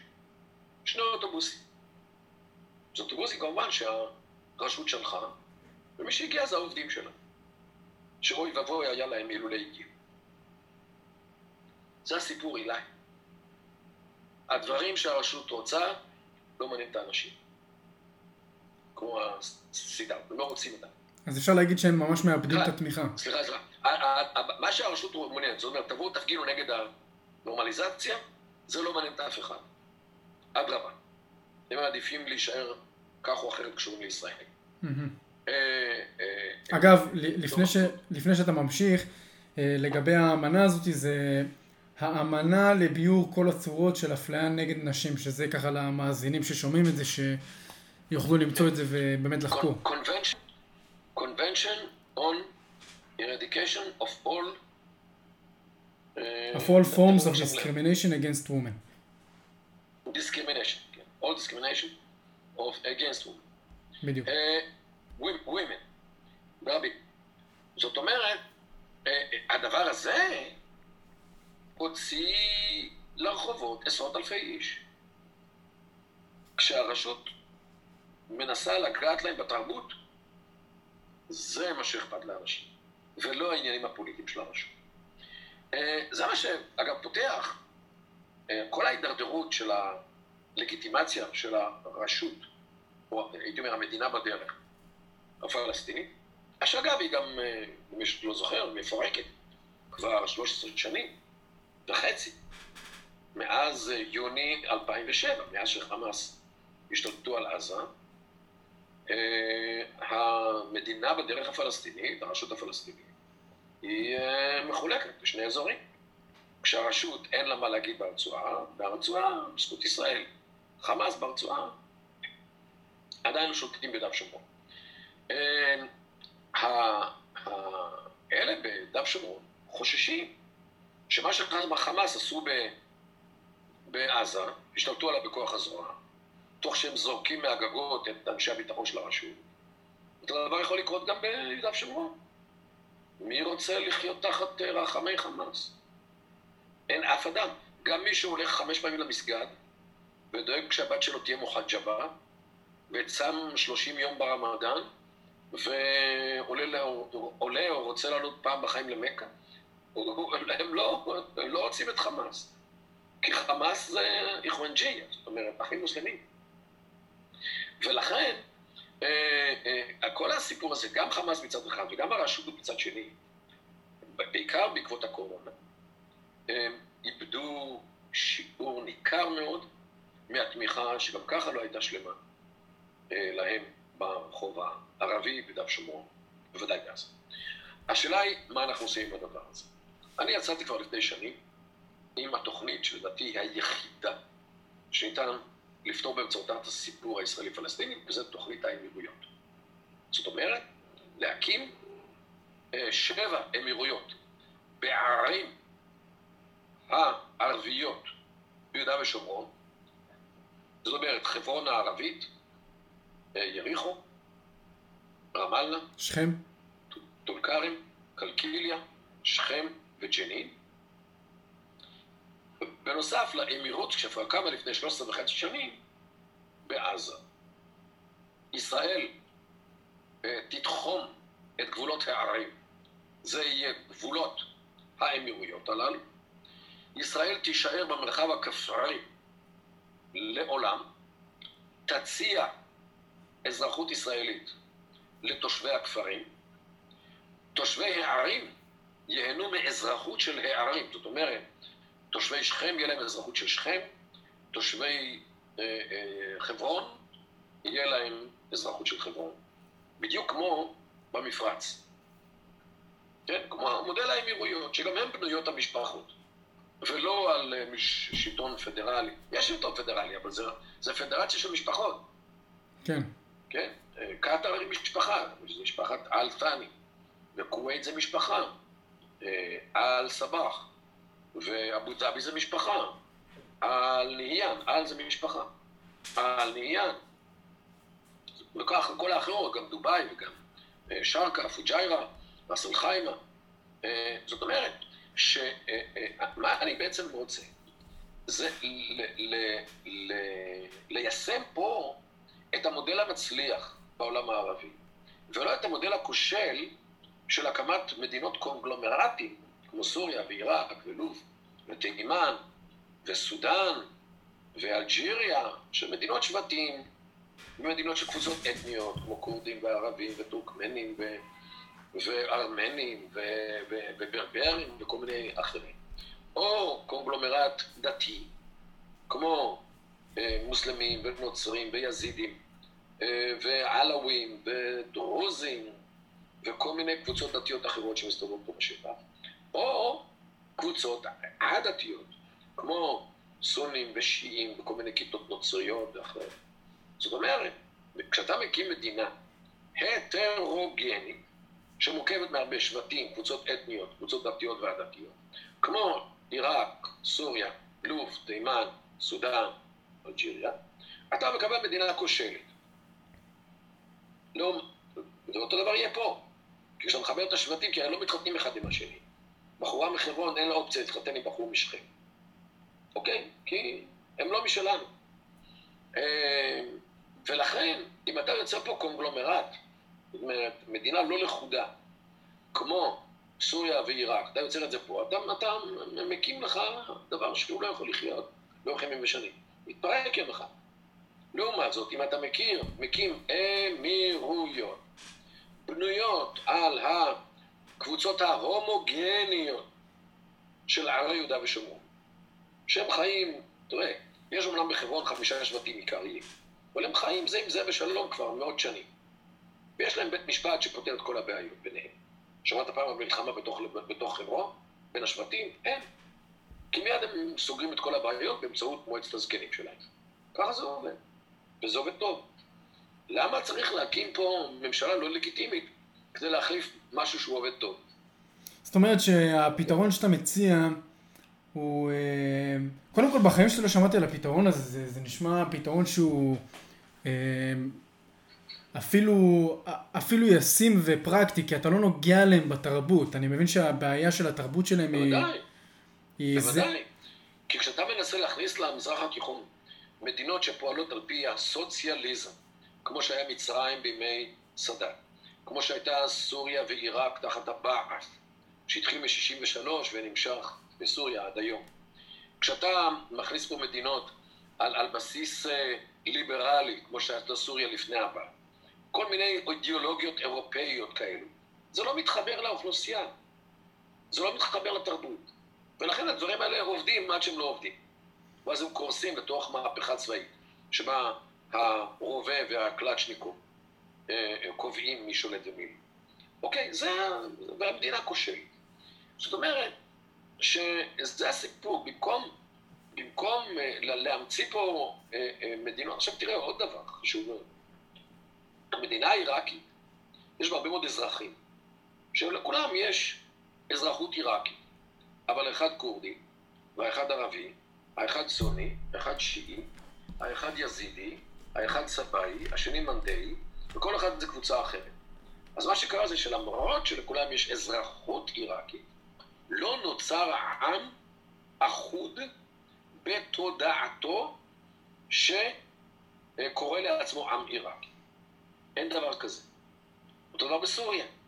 נכון שלסורים יש תעודת זהות סורית, אבל אלה כורדים, אלה ערבים, אלה טורקמנים, אלה ארמנים, אלה מוסלמים, אלה נוצרים, אלה עלווים, אלה דרוזים, אוקיי? ואלה שיעים, ואלה סונים, ונלחמים אחד בשני. אילו הייתה נוצרת תודעת עם מאוחדת, לא, הייתה, לא היו כאלה מלחמות נורא ואיומות בין עיראקים ועיראקים, או בין סורים וסורים, או בין סודנים לסודנים, או תימנים לתימנים. המלחמות הן ההוכחה שאין עם מאוחד. ואתה יודע מה? גם מדינת ישראל, למרות 72 שנותיה, ולמרות שלכל מי שגר פה, או יש פה אזרחות ישראלית, אה, אני שואל אותך, האם יש עם ישראלי? או האם יש פה שני עמים בגדול? העם היהודי והערבי. העם הערבי. אה, למרות, למרות שכולם אזרחי מדינת ישראל. הערבים לא הפכו ליהודים, היהודים לא הפכו לערבים, ושתי הקבוצות הללו ביחד לא הפכו למשהו ישראלי, מודרני, סינתטי, שאיננו יהודי ואיננו ערבי. תקן אותי אם אני טועה. וזה גם קשור לבעיה שאני רוצה להיכנס אליה, לבעיה התיאולוגית של המוסלמים במדינה, לקבל סמכות. זה, זה חלק מהעניין. זה חלק מהעניין. ותראה, גם המדינה היא מדינה דמוקרטית, היא לא כופה. אנחנו לא כפינו על המיעוט הערבי אה, לשיר התקווה בכוונה עצומה, בעיניים עצומות ובלב מתרגש ובריאות אה, מלאות. לא כפינו עליהם מעולם. ויצא מצב שגם שופט עליון אה, אה, ישראלי, שהוא לא יהודי, אה, ג'ובראן, שופט ג'ובראן, סלים ג'ובראן, לא שר את התיק. וזה בסדר. מדינת ישראל לא חושבת שזה בעיה. למה? כי מה לעשות? אתה לא יכול לצפות משופט ערבי שהוא ישיר כל עוד בלבב פנימה נפש יהודי הומיליה. אין לו נפש יהודי. מה? המצאתי את זה? זה עובדה. ו- ולכן לא נוצר פה עם ישראלי שהוא לא יהודי ולא ערבי. אותו דבר קרה בסוריה, אותו דבר קרה בעיראק. לא, לא, לא נוצרו עמים. אזרחים כן, אבל לא עמים. אותו דבר עם הסיפור הפלסטיני. הם שבטים, במידה רבה מאוד. אה, סלמן מסלחה כתב על זה מאמר מדהים בהארץ בשנת 2017, שבו הוא טוען שבתפיסה אה, אה, הפלסטינית המולדת היא תחומי השבט והכפר. זה המולדת. זה לא כמו בנרטיב הציוני, שהוא חינך אותנו לחשוב שישראל והמולדת לכן היא ממטולה ועד אילת. בנרטיב הפלסטיני, המלאכותי של אש"ף זה ממטולה עד אילת, כי הם רוצים להחליף אותנו. אבל בנרטיב הפלסטיני האמיתי, כפי שסמל מרסלחה כותב עליו, הגדרת המולדת זה הכפר והשבט. אוקיי? לכן אגב, אבו מאזן נחשב כשליט לא לגיטימי ביהודה ושומרון וגם בעזה. למה? כי הוא נולד בצפת. הוא מושמינה, אה, לא משלנו. אבו מאזן לא הוא... אבו מאזן הוא לא, לא נולד ב... ביהודה ושומרון? לא, הוא נולד בצפת. והוא כילד אה, אה, ברח יחד עם ההורים שלו לסוריה, גדל שמה, הצטרף לאש"ף ונהיה באש"ף מאז. מה אתה אומר? אבל, אבל הוא מצפת. ולכן הרבה מאוד בדף שומרון מסתכלים עליו ושואלים, למה מי הביא אותך? מאיפה באת? אז איך הוא עדיין מצליח ל- לשמור על הכיסא שלו כל כך הרבה זמן? בזכות העובדה שישראל נתנה לו כוחות ביטחון, נתנה לו נשק, נתנה לו כוח, נתנה לו כסף, אז הם אומרים, תשמע, מישהו מאכיל אותי, אני לא נושך את היד. את היד שלו. אז ברמת העיקרון יש לו אזרחות ישראלית. אה, יש לו תעודת VIP. מה זאת אומרת? אה, very important personality, החם. אישיות חשובה מאוד, זה מה שיש לו מישראל.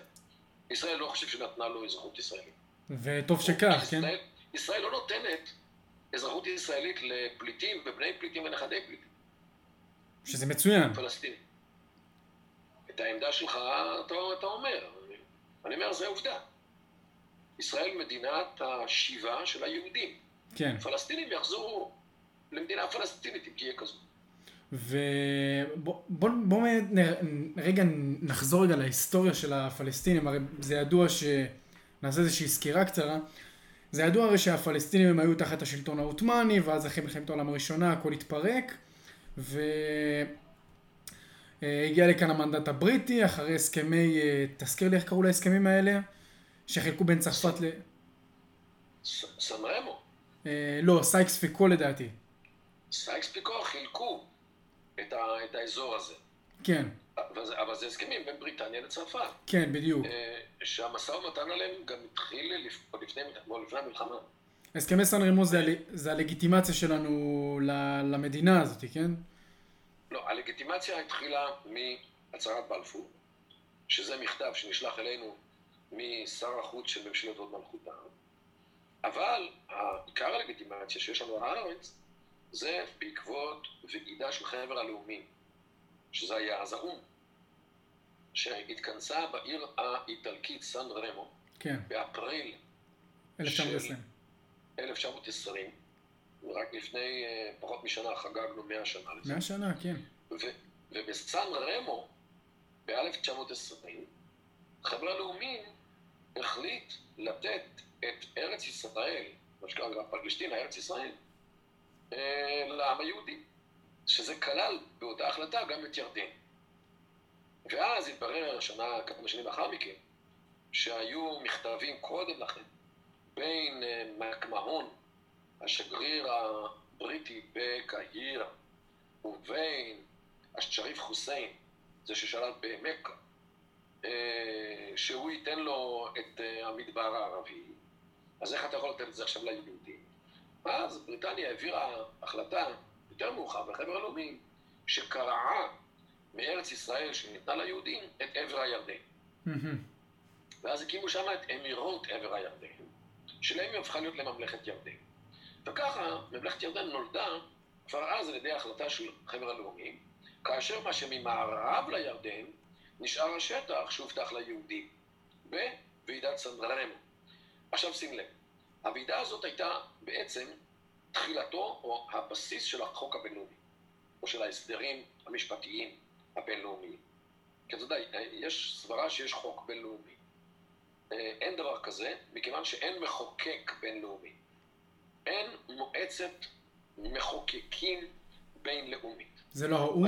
אה, נכון, נכון, נכון, נכון, סליחה, נכון. אין פרלמנט, אין פרלמנט בינלאומי. כן, כן.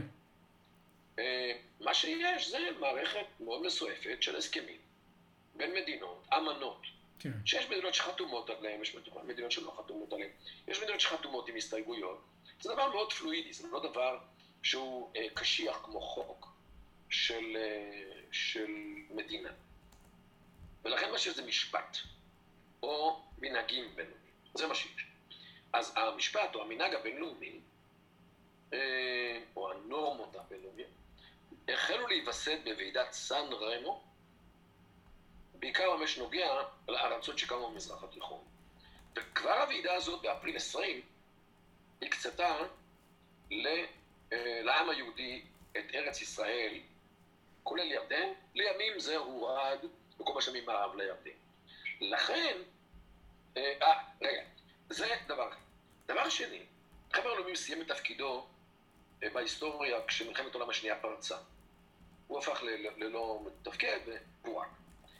האו"ם שהוקם ב-45 על חורבות העולם שהשאירה מלחמת העולם השנייה, כדי ליצור המשכיות, אימץ בסעיף 80 של אמנתו את כל החלטות חבר הלאומי, ולא יוצא מן הכלל.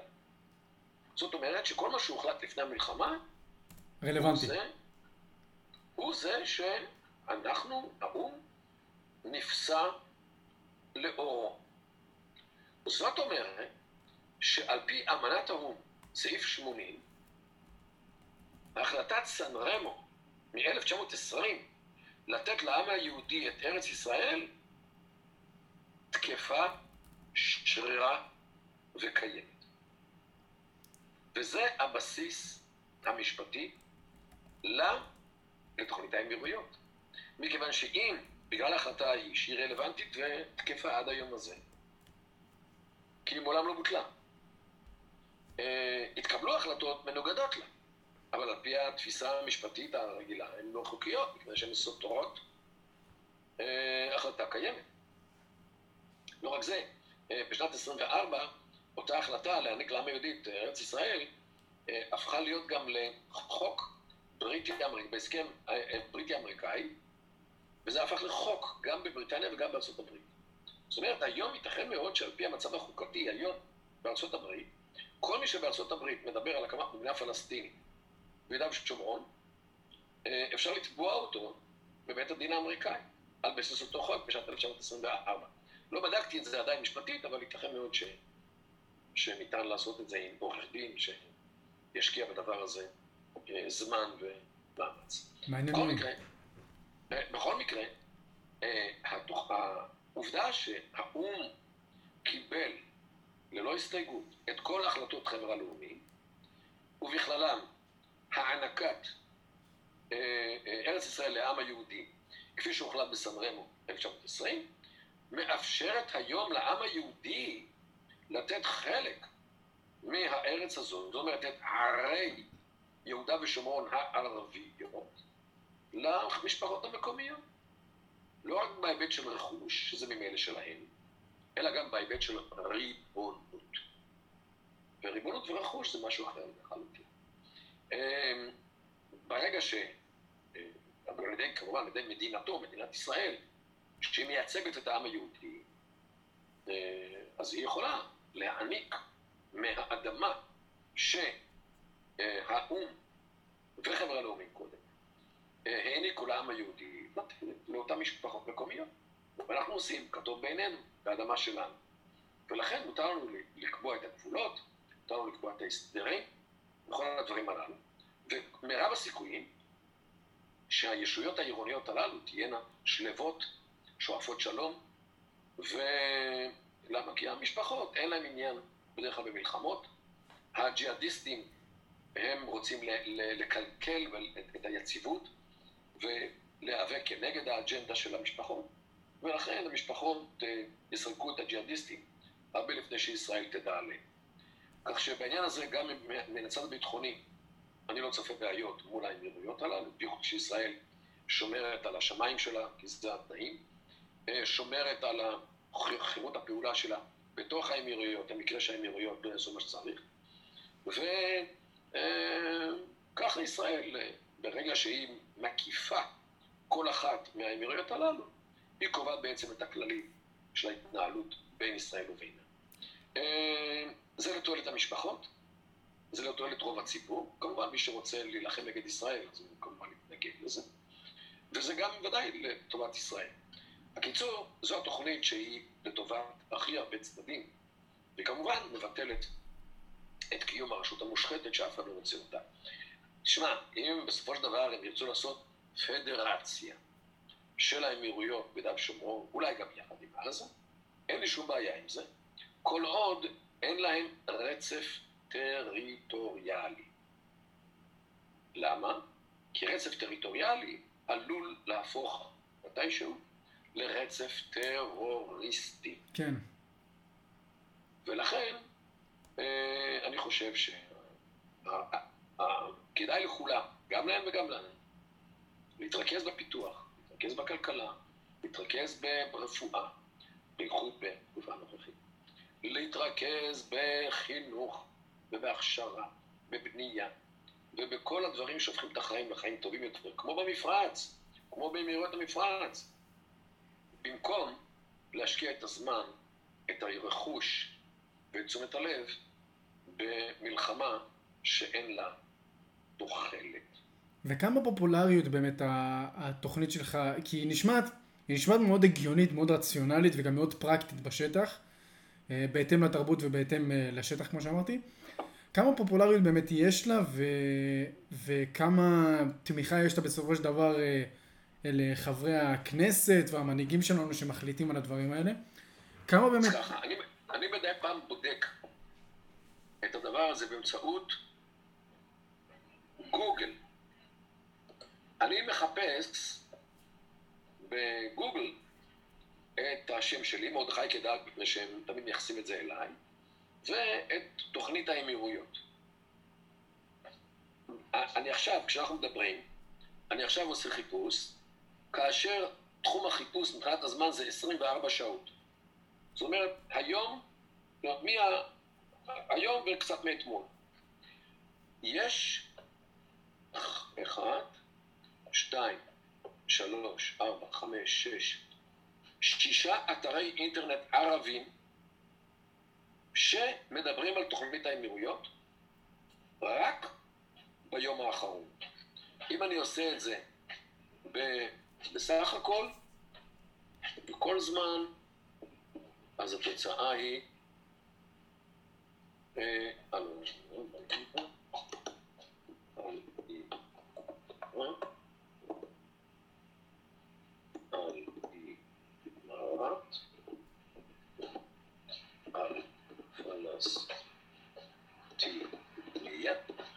על פלסטיניה, זאת אומרת, האמירויות הפלסטיניות, כן. החיפוש הזה מביא כ-19,400 תוצאות. זאת אומרת, 19,400 דפי אינטרנט בערבית, כוללים את השם שלי ואת המונח אה, האמירויות הפלסטיניות. ואני מדבר כרגע בחיפוש ללא מגבלת זמן. הבנת? אילי. זה הסיפור. עכשיו, למה, למה הם אה, כל כך... אה, אה, כשאני מחדד את הסיפור, אז זה יורד כ-1530. חידדתי פה עוד משהו. אז למה? בוא נלך ל-1530, לא 19,000. 1530 אנשים חשבו שיש פה substance, זאת אומרת, חשבו שיש פה עניין. כי אם זה היה הזוי, היה לחלוטין לא, לחלוטין מנותק מהמציאות. הם לא אפילו טורחים לדבר על זה, לכתוב על זה באינטרנט. אדם לא מעלה לאתר שלו שטויות. וברגע שיש פה מפה, ויש פה הסברים, למה הדבר הזה רציני, למה הדבר הזה יש לו כוח חיות מכוח עצמו, הם מתחילים להתייחס לזה ברצינות. איך אפשר, איך אפשר להגיע לתוכנית הזאת רק בגוגל, אה, אם אפשר לשאול שהמאזינים באמת יוכלו להגיע ולראות? אז ככה, יש יש בוויקיפדיה אה, אה, תוכנית האמירויות הפלסטיניות. יש כזה אה, אה, ערך בוויקיפדיה, תוכנית האמירויות הפלסטיניות, כאשר בוויקיפדיה את המילה תוכנית כותבים עם ו', תו, כ' וכולי, בגלל כללי הכתיבה מלא. אז מי שרוצה לחפש, מי שרוצה לחפש בוויקיפדיה זה תוכנית תו, האמירויות הפלסטיניות. אבל יש גם אתר אינטרנט שהעליתי לאחרונה יחד עם עוד כמה חברים, שהוא באנגלית www, Palestinian dash, זאת אומרת מינוס, emirates dot net, אה, dot com. Palestinian Emirates dot com, כאשר Palestinian Emirates יש אה, מינוס בין המילה Palestinian לבין Emirates. זה אתר שהוא כרגע עלה בגרסה ראשונית, ומדי יום מוכנסים בו אה, תוספות. אה, הוא יהיה בסופו של דבר גם בעברית, גם בערבית, גם באנגלית, ועובדים עליו במלוא הקיטור כדי להכין אותו ליום שבו אה, אבו מאזן יעזוב אותנו בדרכו, ואפשר יהיה לבצע את התוכנית הזאת.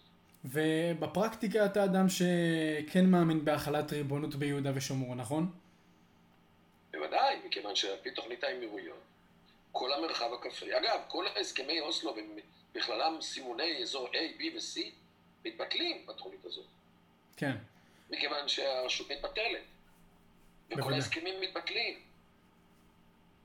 ולכן, אתה יכול עכשיו, היות שהזקנים הם בטלו, עכשיו אתה יכול לעשות קווים אחרים. המלאה. מעניין מאוד, אני חייב, פעם ראשונה שאני שומע על התוכנית הזאת, ופעם ראשונה שאני בטוח ש...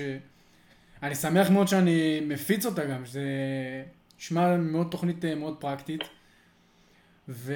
בהחלט אה, מברך על העניין הזה, ואני קורא למאזינים להיכנס גם לערך בוויקיפדיה, תוכנית האמירויות הפלסטיניות, וגם לאתר של התוכנית, פלסטיניאן מינוס אמירייטס, כן, פלסטיניאן דש אמירייטס דוט קום. אז אני רוצה להיכנס רגע לנושא אחר, באמת בקשר למסגד אל-אקצא. ואנחנו, איך אנחנו בדיוק מבחינת הזמנים, מבחינתך, אתה בסדר, אתה רוצה להמשיך, הכל טוב? דבר. מעולה. דבר. אני שמח. ב-2016 כתבת uh, במידע, באתר מידע, שהוא אתר מצוין לדעתי, uh, כתבת את הכתבה השקרים האסלאמיים על ירושלים ומסגד אל-אקצא. אתה זוכר את הכתבה הזאתי? בוודאי. מצוין. יש כאן את כל הסיפור של, אה, של אה, מוחמד ואיך אה, איך הוא נדד ואיך איך מושג אל-אקצא שזה באמת המסגד אל-אקצא שזה המסגד הרחוק כביכול הם, או, המסגד הקר, או המסגד הקרוב, תתקן אותי אם אני טועה, הרחוק. הרחוק, שהוא באמת אה, אה, איך כל הבלבול הזה שהוא כביכול הגיע לירושלים והוא בכלל היה בעיירה הזאת שאיך קראת להם? בג'ורה? ג'- ג'ורן. ג'וארנה. אז אני אשמח אם באמת אה, תספר את הסיפור הזה, ומעבר לזה, גם שנתחיל אה, לעבור טיפה לנושא של האסלאם, אה, ומשם לדעתי נזרום. אתה עושה עבודה מצוינת, אני, אני הכנתי כאן מלא מאוד נושאים שרציתי לדבר איתך, ואתה פשוט ענית עליהם לבד. אז אני אשמח שנתחיל באמת מה, מהנושא הזה, של, של ככה. הסיפור הזה. הדבר הראשון צריך להבין, שירושלים לא מוזכרת בקוראן, בכלל. מוזכר עליה מסגד אל-אקצא, אבל לא ירושלים עצמה. כאשר כל הסיפור של הדבקת אל-אקצא לירושלים, מקורו בת- בתורה שבעל פה. האסלאמית הלא הוא החדיס. איפה הבעיה? החדיס אה, נפל קורבן לזיופים במשך ה-200 שנה הראשונות של האסלאם, שבהן הוא היה בעל פה. תאר לעצמך שכל ההיסטוריה הציונית לא הייתה נכתבת, אלא כולה בעל פה, מה אמר הרצל, ומה אמר בן גוריון, ומה אמר הרב קלדישר, ומה...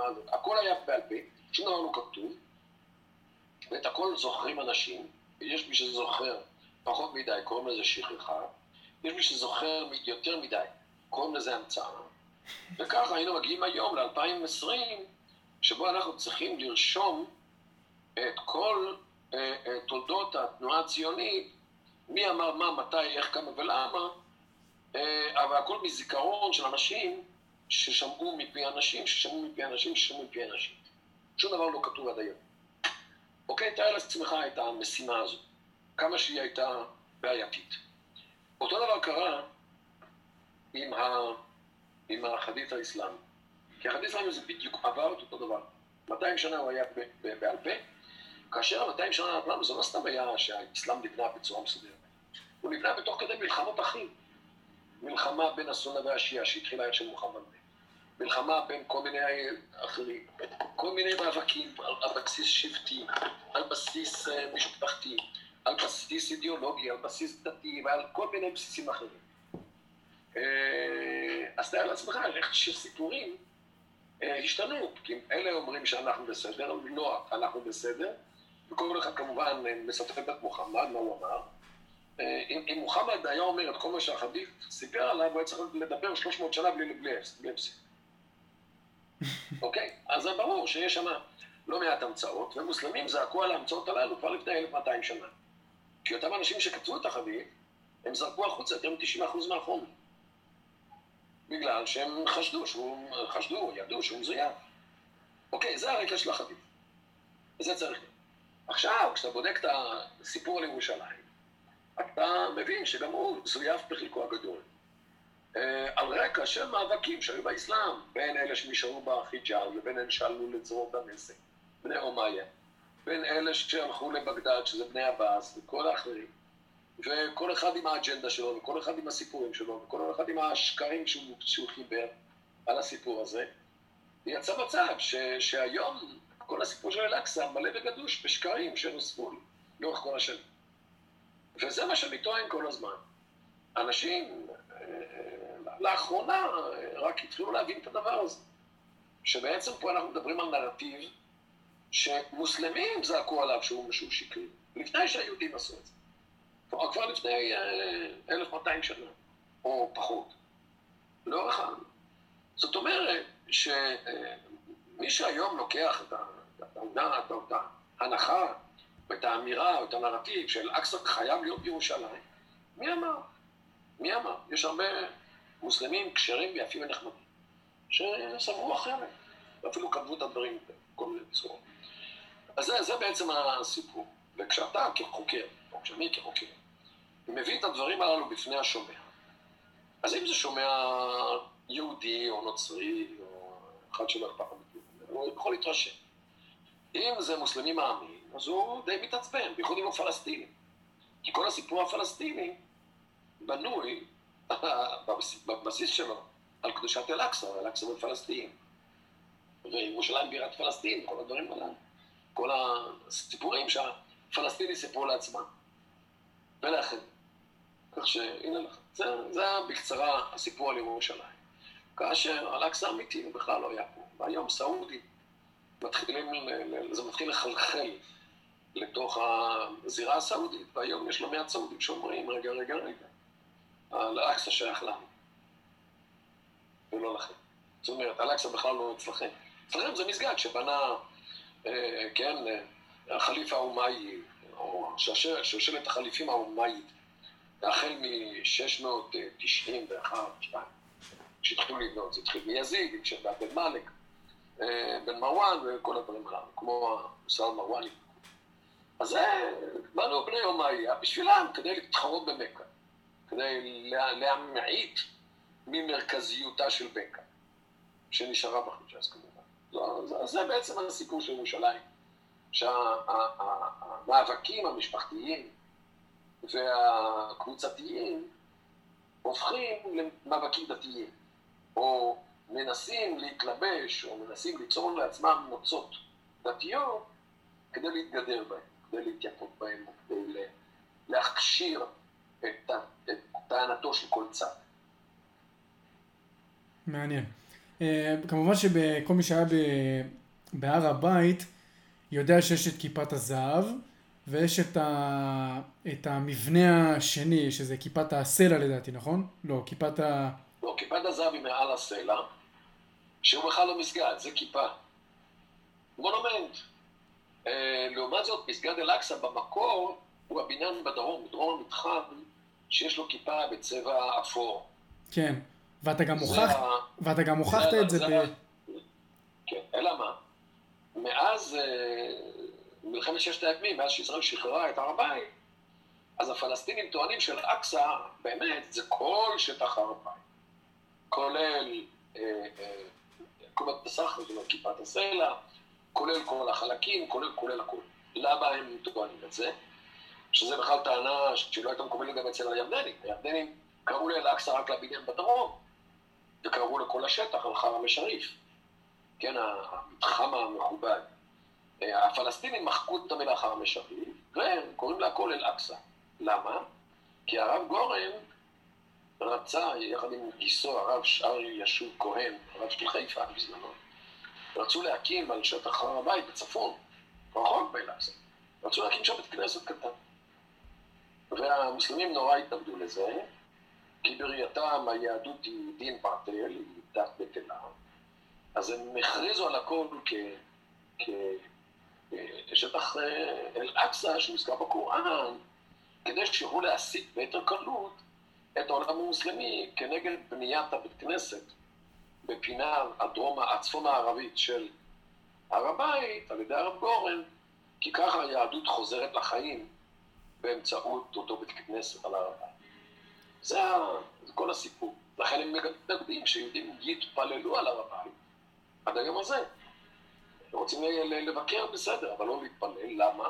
כי תפילת יהודים בהר הבית משמעותה שהיהדות חזרה למקומה, אחרי שהאסלאם, על פי אמונתם, הגיע לעולם בשביל להחליף את היהדות ואת הנצרות. אפשר להגיד בעצם שכל ה... איך קוראים לכל המתחם הזה משהו אה, השריף? אל-חרם א-שריף. אל-חרם א-שריף, כן. אה, שהתרגום שלו זה השטח הקדוש? המתחם, הייתי אומר. המתחם הקדוש. אה, אפשר להגיד בעצם שכל הנרטיבים האלה של בין אם זה כביכול מסגד אל-אקצא וכל המתחם, מתחם השריף. אמ, אפשר להגיד שזה בעצם איזשהו נרטיב שנוצר כדי לא להתגרות, אבל לערער על הסמכות היהודית שם, נכון? תראה, הם לא חששו מהיהודים. אה, לאורך כל התקופה, מפני שהיהודים היו בגלות, היו מסכנים, היו אהל דימה, בני חסות. וכל עוד השלטון האסלאמי, תשמע, 400 שנה של העות'מאנים, העות'מאנים שלטו בירושלים ביד רמה בזמן נטויה. יהודים היו בארץ, אבל הם היו נתינים טורקיים, או נתיני מדינות אחרות שחיו פה תחת אינדולגנציה, זאת אומרת, תחת חסותו של שגריר שווייץ, או שגריר אוסטריה, או צרפת או בריטניה. אה, זה מה שהיה, אבל פה הטורקים לא היה מי שערער על שלטונם, ולכן לא הייתה סיבה למנוע מיהודים אפילו פעילות בהר הבית. לא, אבל מה לעשות, היהודים, מדינה, הקימו מדינה, נלחמו עם ערבים, נלחמו עם מוסלמים, לקחו מדינה בכוח, למרות שבהיותם יהודים הם לא זכאים לא למדינה ולא לריבונות בשום מקום בעולם. בוודאי לא בארץ הזאת, האסלאמית ששמה פלסטין. אז הדבר הזה עכשיו צריך להילחם בו. להילחם בכל האמצעים, כולל באמצעי הדתי. זאת אומרת, המצאת אה, כל מיני דברים ששוללים מהיהודים כל זכות אה, לארץ הזאת, אה, למרות שאפילו חאג' אמין אל-חוסייני, המופתי, שונא היהודים הנורא והיום, שהיה ב...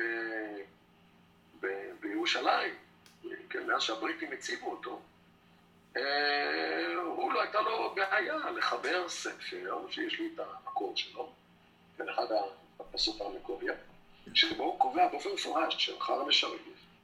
הוא היה מקום מקדש שלמה, וגם דוד אביו של שלמה, אה, העלה שאלה שם עולות ושלמים, כמו שמצוין בספר שמואל. אה, כיום הם מכחישים כל קשר של היהדות הזה. כשהמופתי כתב את הדברים הללו, לא הייתה מדינת ישראל, ולכן הוא לא פחד שהוא משחק לידי היהודים. היום, כשהיהודים יש להם מדינה, והם כבשו שומו שמיים את ירושלים, עכשיו כבר אי אפשר להודות בזה, שזה נכון, ואתם טוענים שהספר הזה מזויף. למרות שיש אלפי עותקים שלו שמסתובבים בעולם. וכולם מקומיים. הבנתי.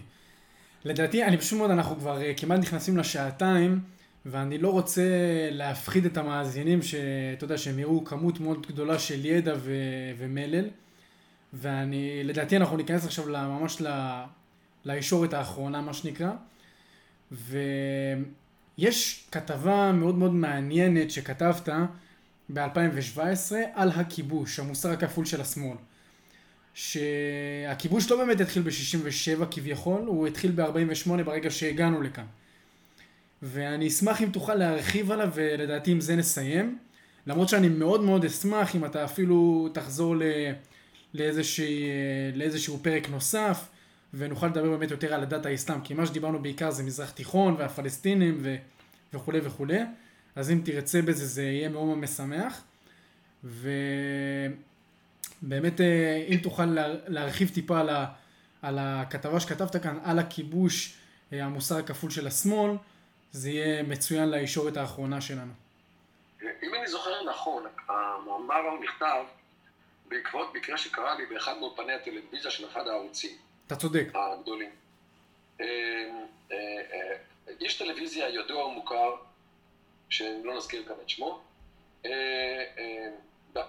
ראיין אותי, הזמין אותי לאולפן, לדון באיזשהו משהו שקרה בעולם הערבי. וראיין אותי בצורה מאוד נחמדה, ואז הייתה הפסקת פרסומות, ובהפסקת הפרסומות, כשמדברים באולפן באופן חופשי, הוא אומר לי, שמע, אני, מאודי רגלי לא דרכה באף התנחלות. הוא אמר לי את זה בגאווה רבה.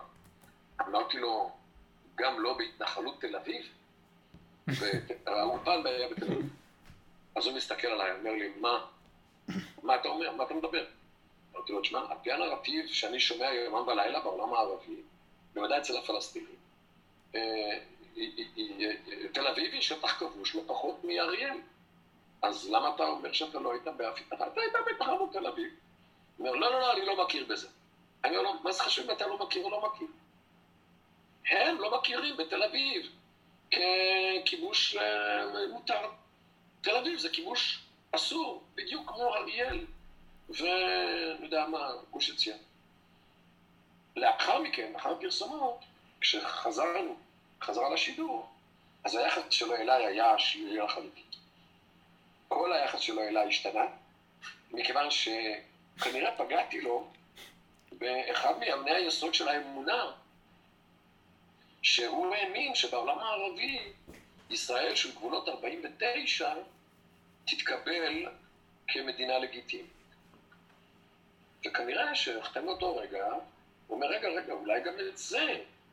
אה, ואז בעצם מה אני, מה, מה אני האמנתי כל החיים? שישראל היא אולי לא לגיטימית, הכל שטחה, גם כולל תל אביב. וזה מאוד ככה הסעיר אותו, העובדה שהוא פתאום גילה. וזה זה, זה מה שהיה אה, באותו אינסידנט. בסדר. אה, מדי פעם, אתה יודע, ישראלים פוקחים את עיניהם לראות את המציאות, כשהמציאות לא לגמרי מסתדרת עם החלומות שלהם. הבנתי. אה, דוקטור מרדכי קידר, תודה רבה שהצטרפת. ו... בבקשה, ו... מילה, אני מודה לך מאוד. ו... ואני אשמח, ו... כן, סליחה. אתה יודע מה, תן לי לסיים במילה אחת, או שתי מילים. בוודאי, בוודאי, כמה שתרצה. ו... ותלמדו ערבית. תלמדו ערבית? ערבית היא שפה מאוד חשובה בשביל להבין את האזור, בשביל להבין את התהליכים שעוברים עליו, בשביל להיכנס לנבחי האופן שבו האזור הזה מתנהל, כי מי שחי רק מתרגומים ומכתבות בעיתונות ובטלוויזיה, הסיכוי שלו להבין באמת מה שקורה במזרח התיכון נמוך מאוד, אם הוא קיים בכלל. תודה רבה שהצטרפת, דוקטור, דוקטור מרדכי גידר. אה, ואני אשמח מאוד אם אה, תגיע עוד פעם להופעה חוזרת, אם זה יהיה בסדר מבחינתך. העונג והכבוד יהיה שלי. אז uh, תודה רבה ושיהיה לך ערב טוב, ושמור על הבריאות. שלום, שלום, הרבה בריאות. להתראות.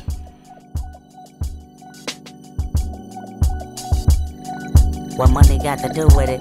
When I don't know the full definition of a rap image. I'm trapped inside the ghetto and I ain't proud to admit it. Institutional lies, I keep running back for a visit. Hold up. Get it back. I said I'm trapped inside the ghetto and I ain't proud to admit it. Institutional lies, I can still kill me a nigga, so what?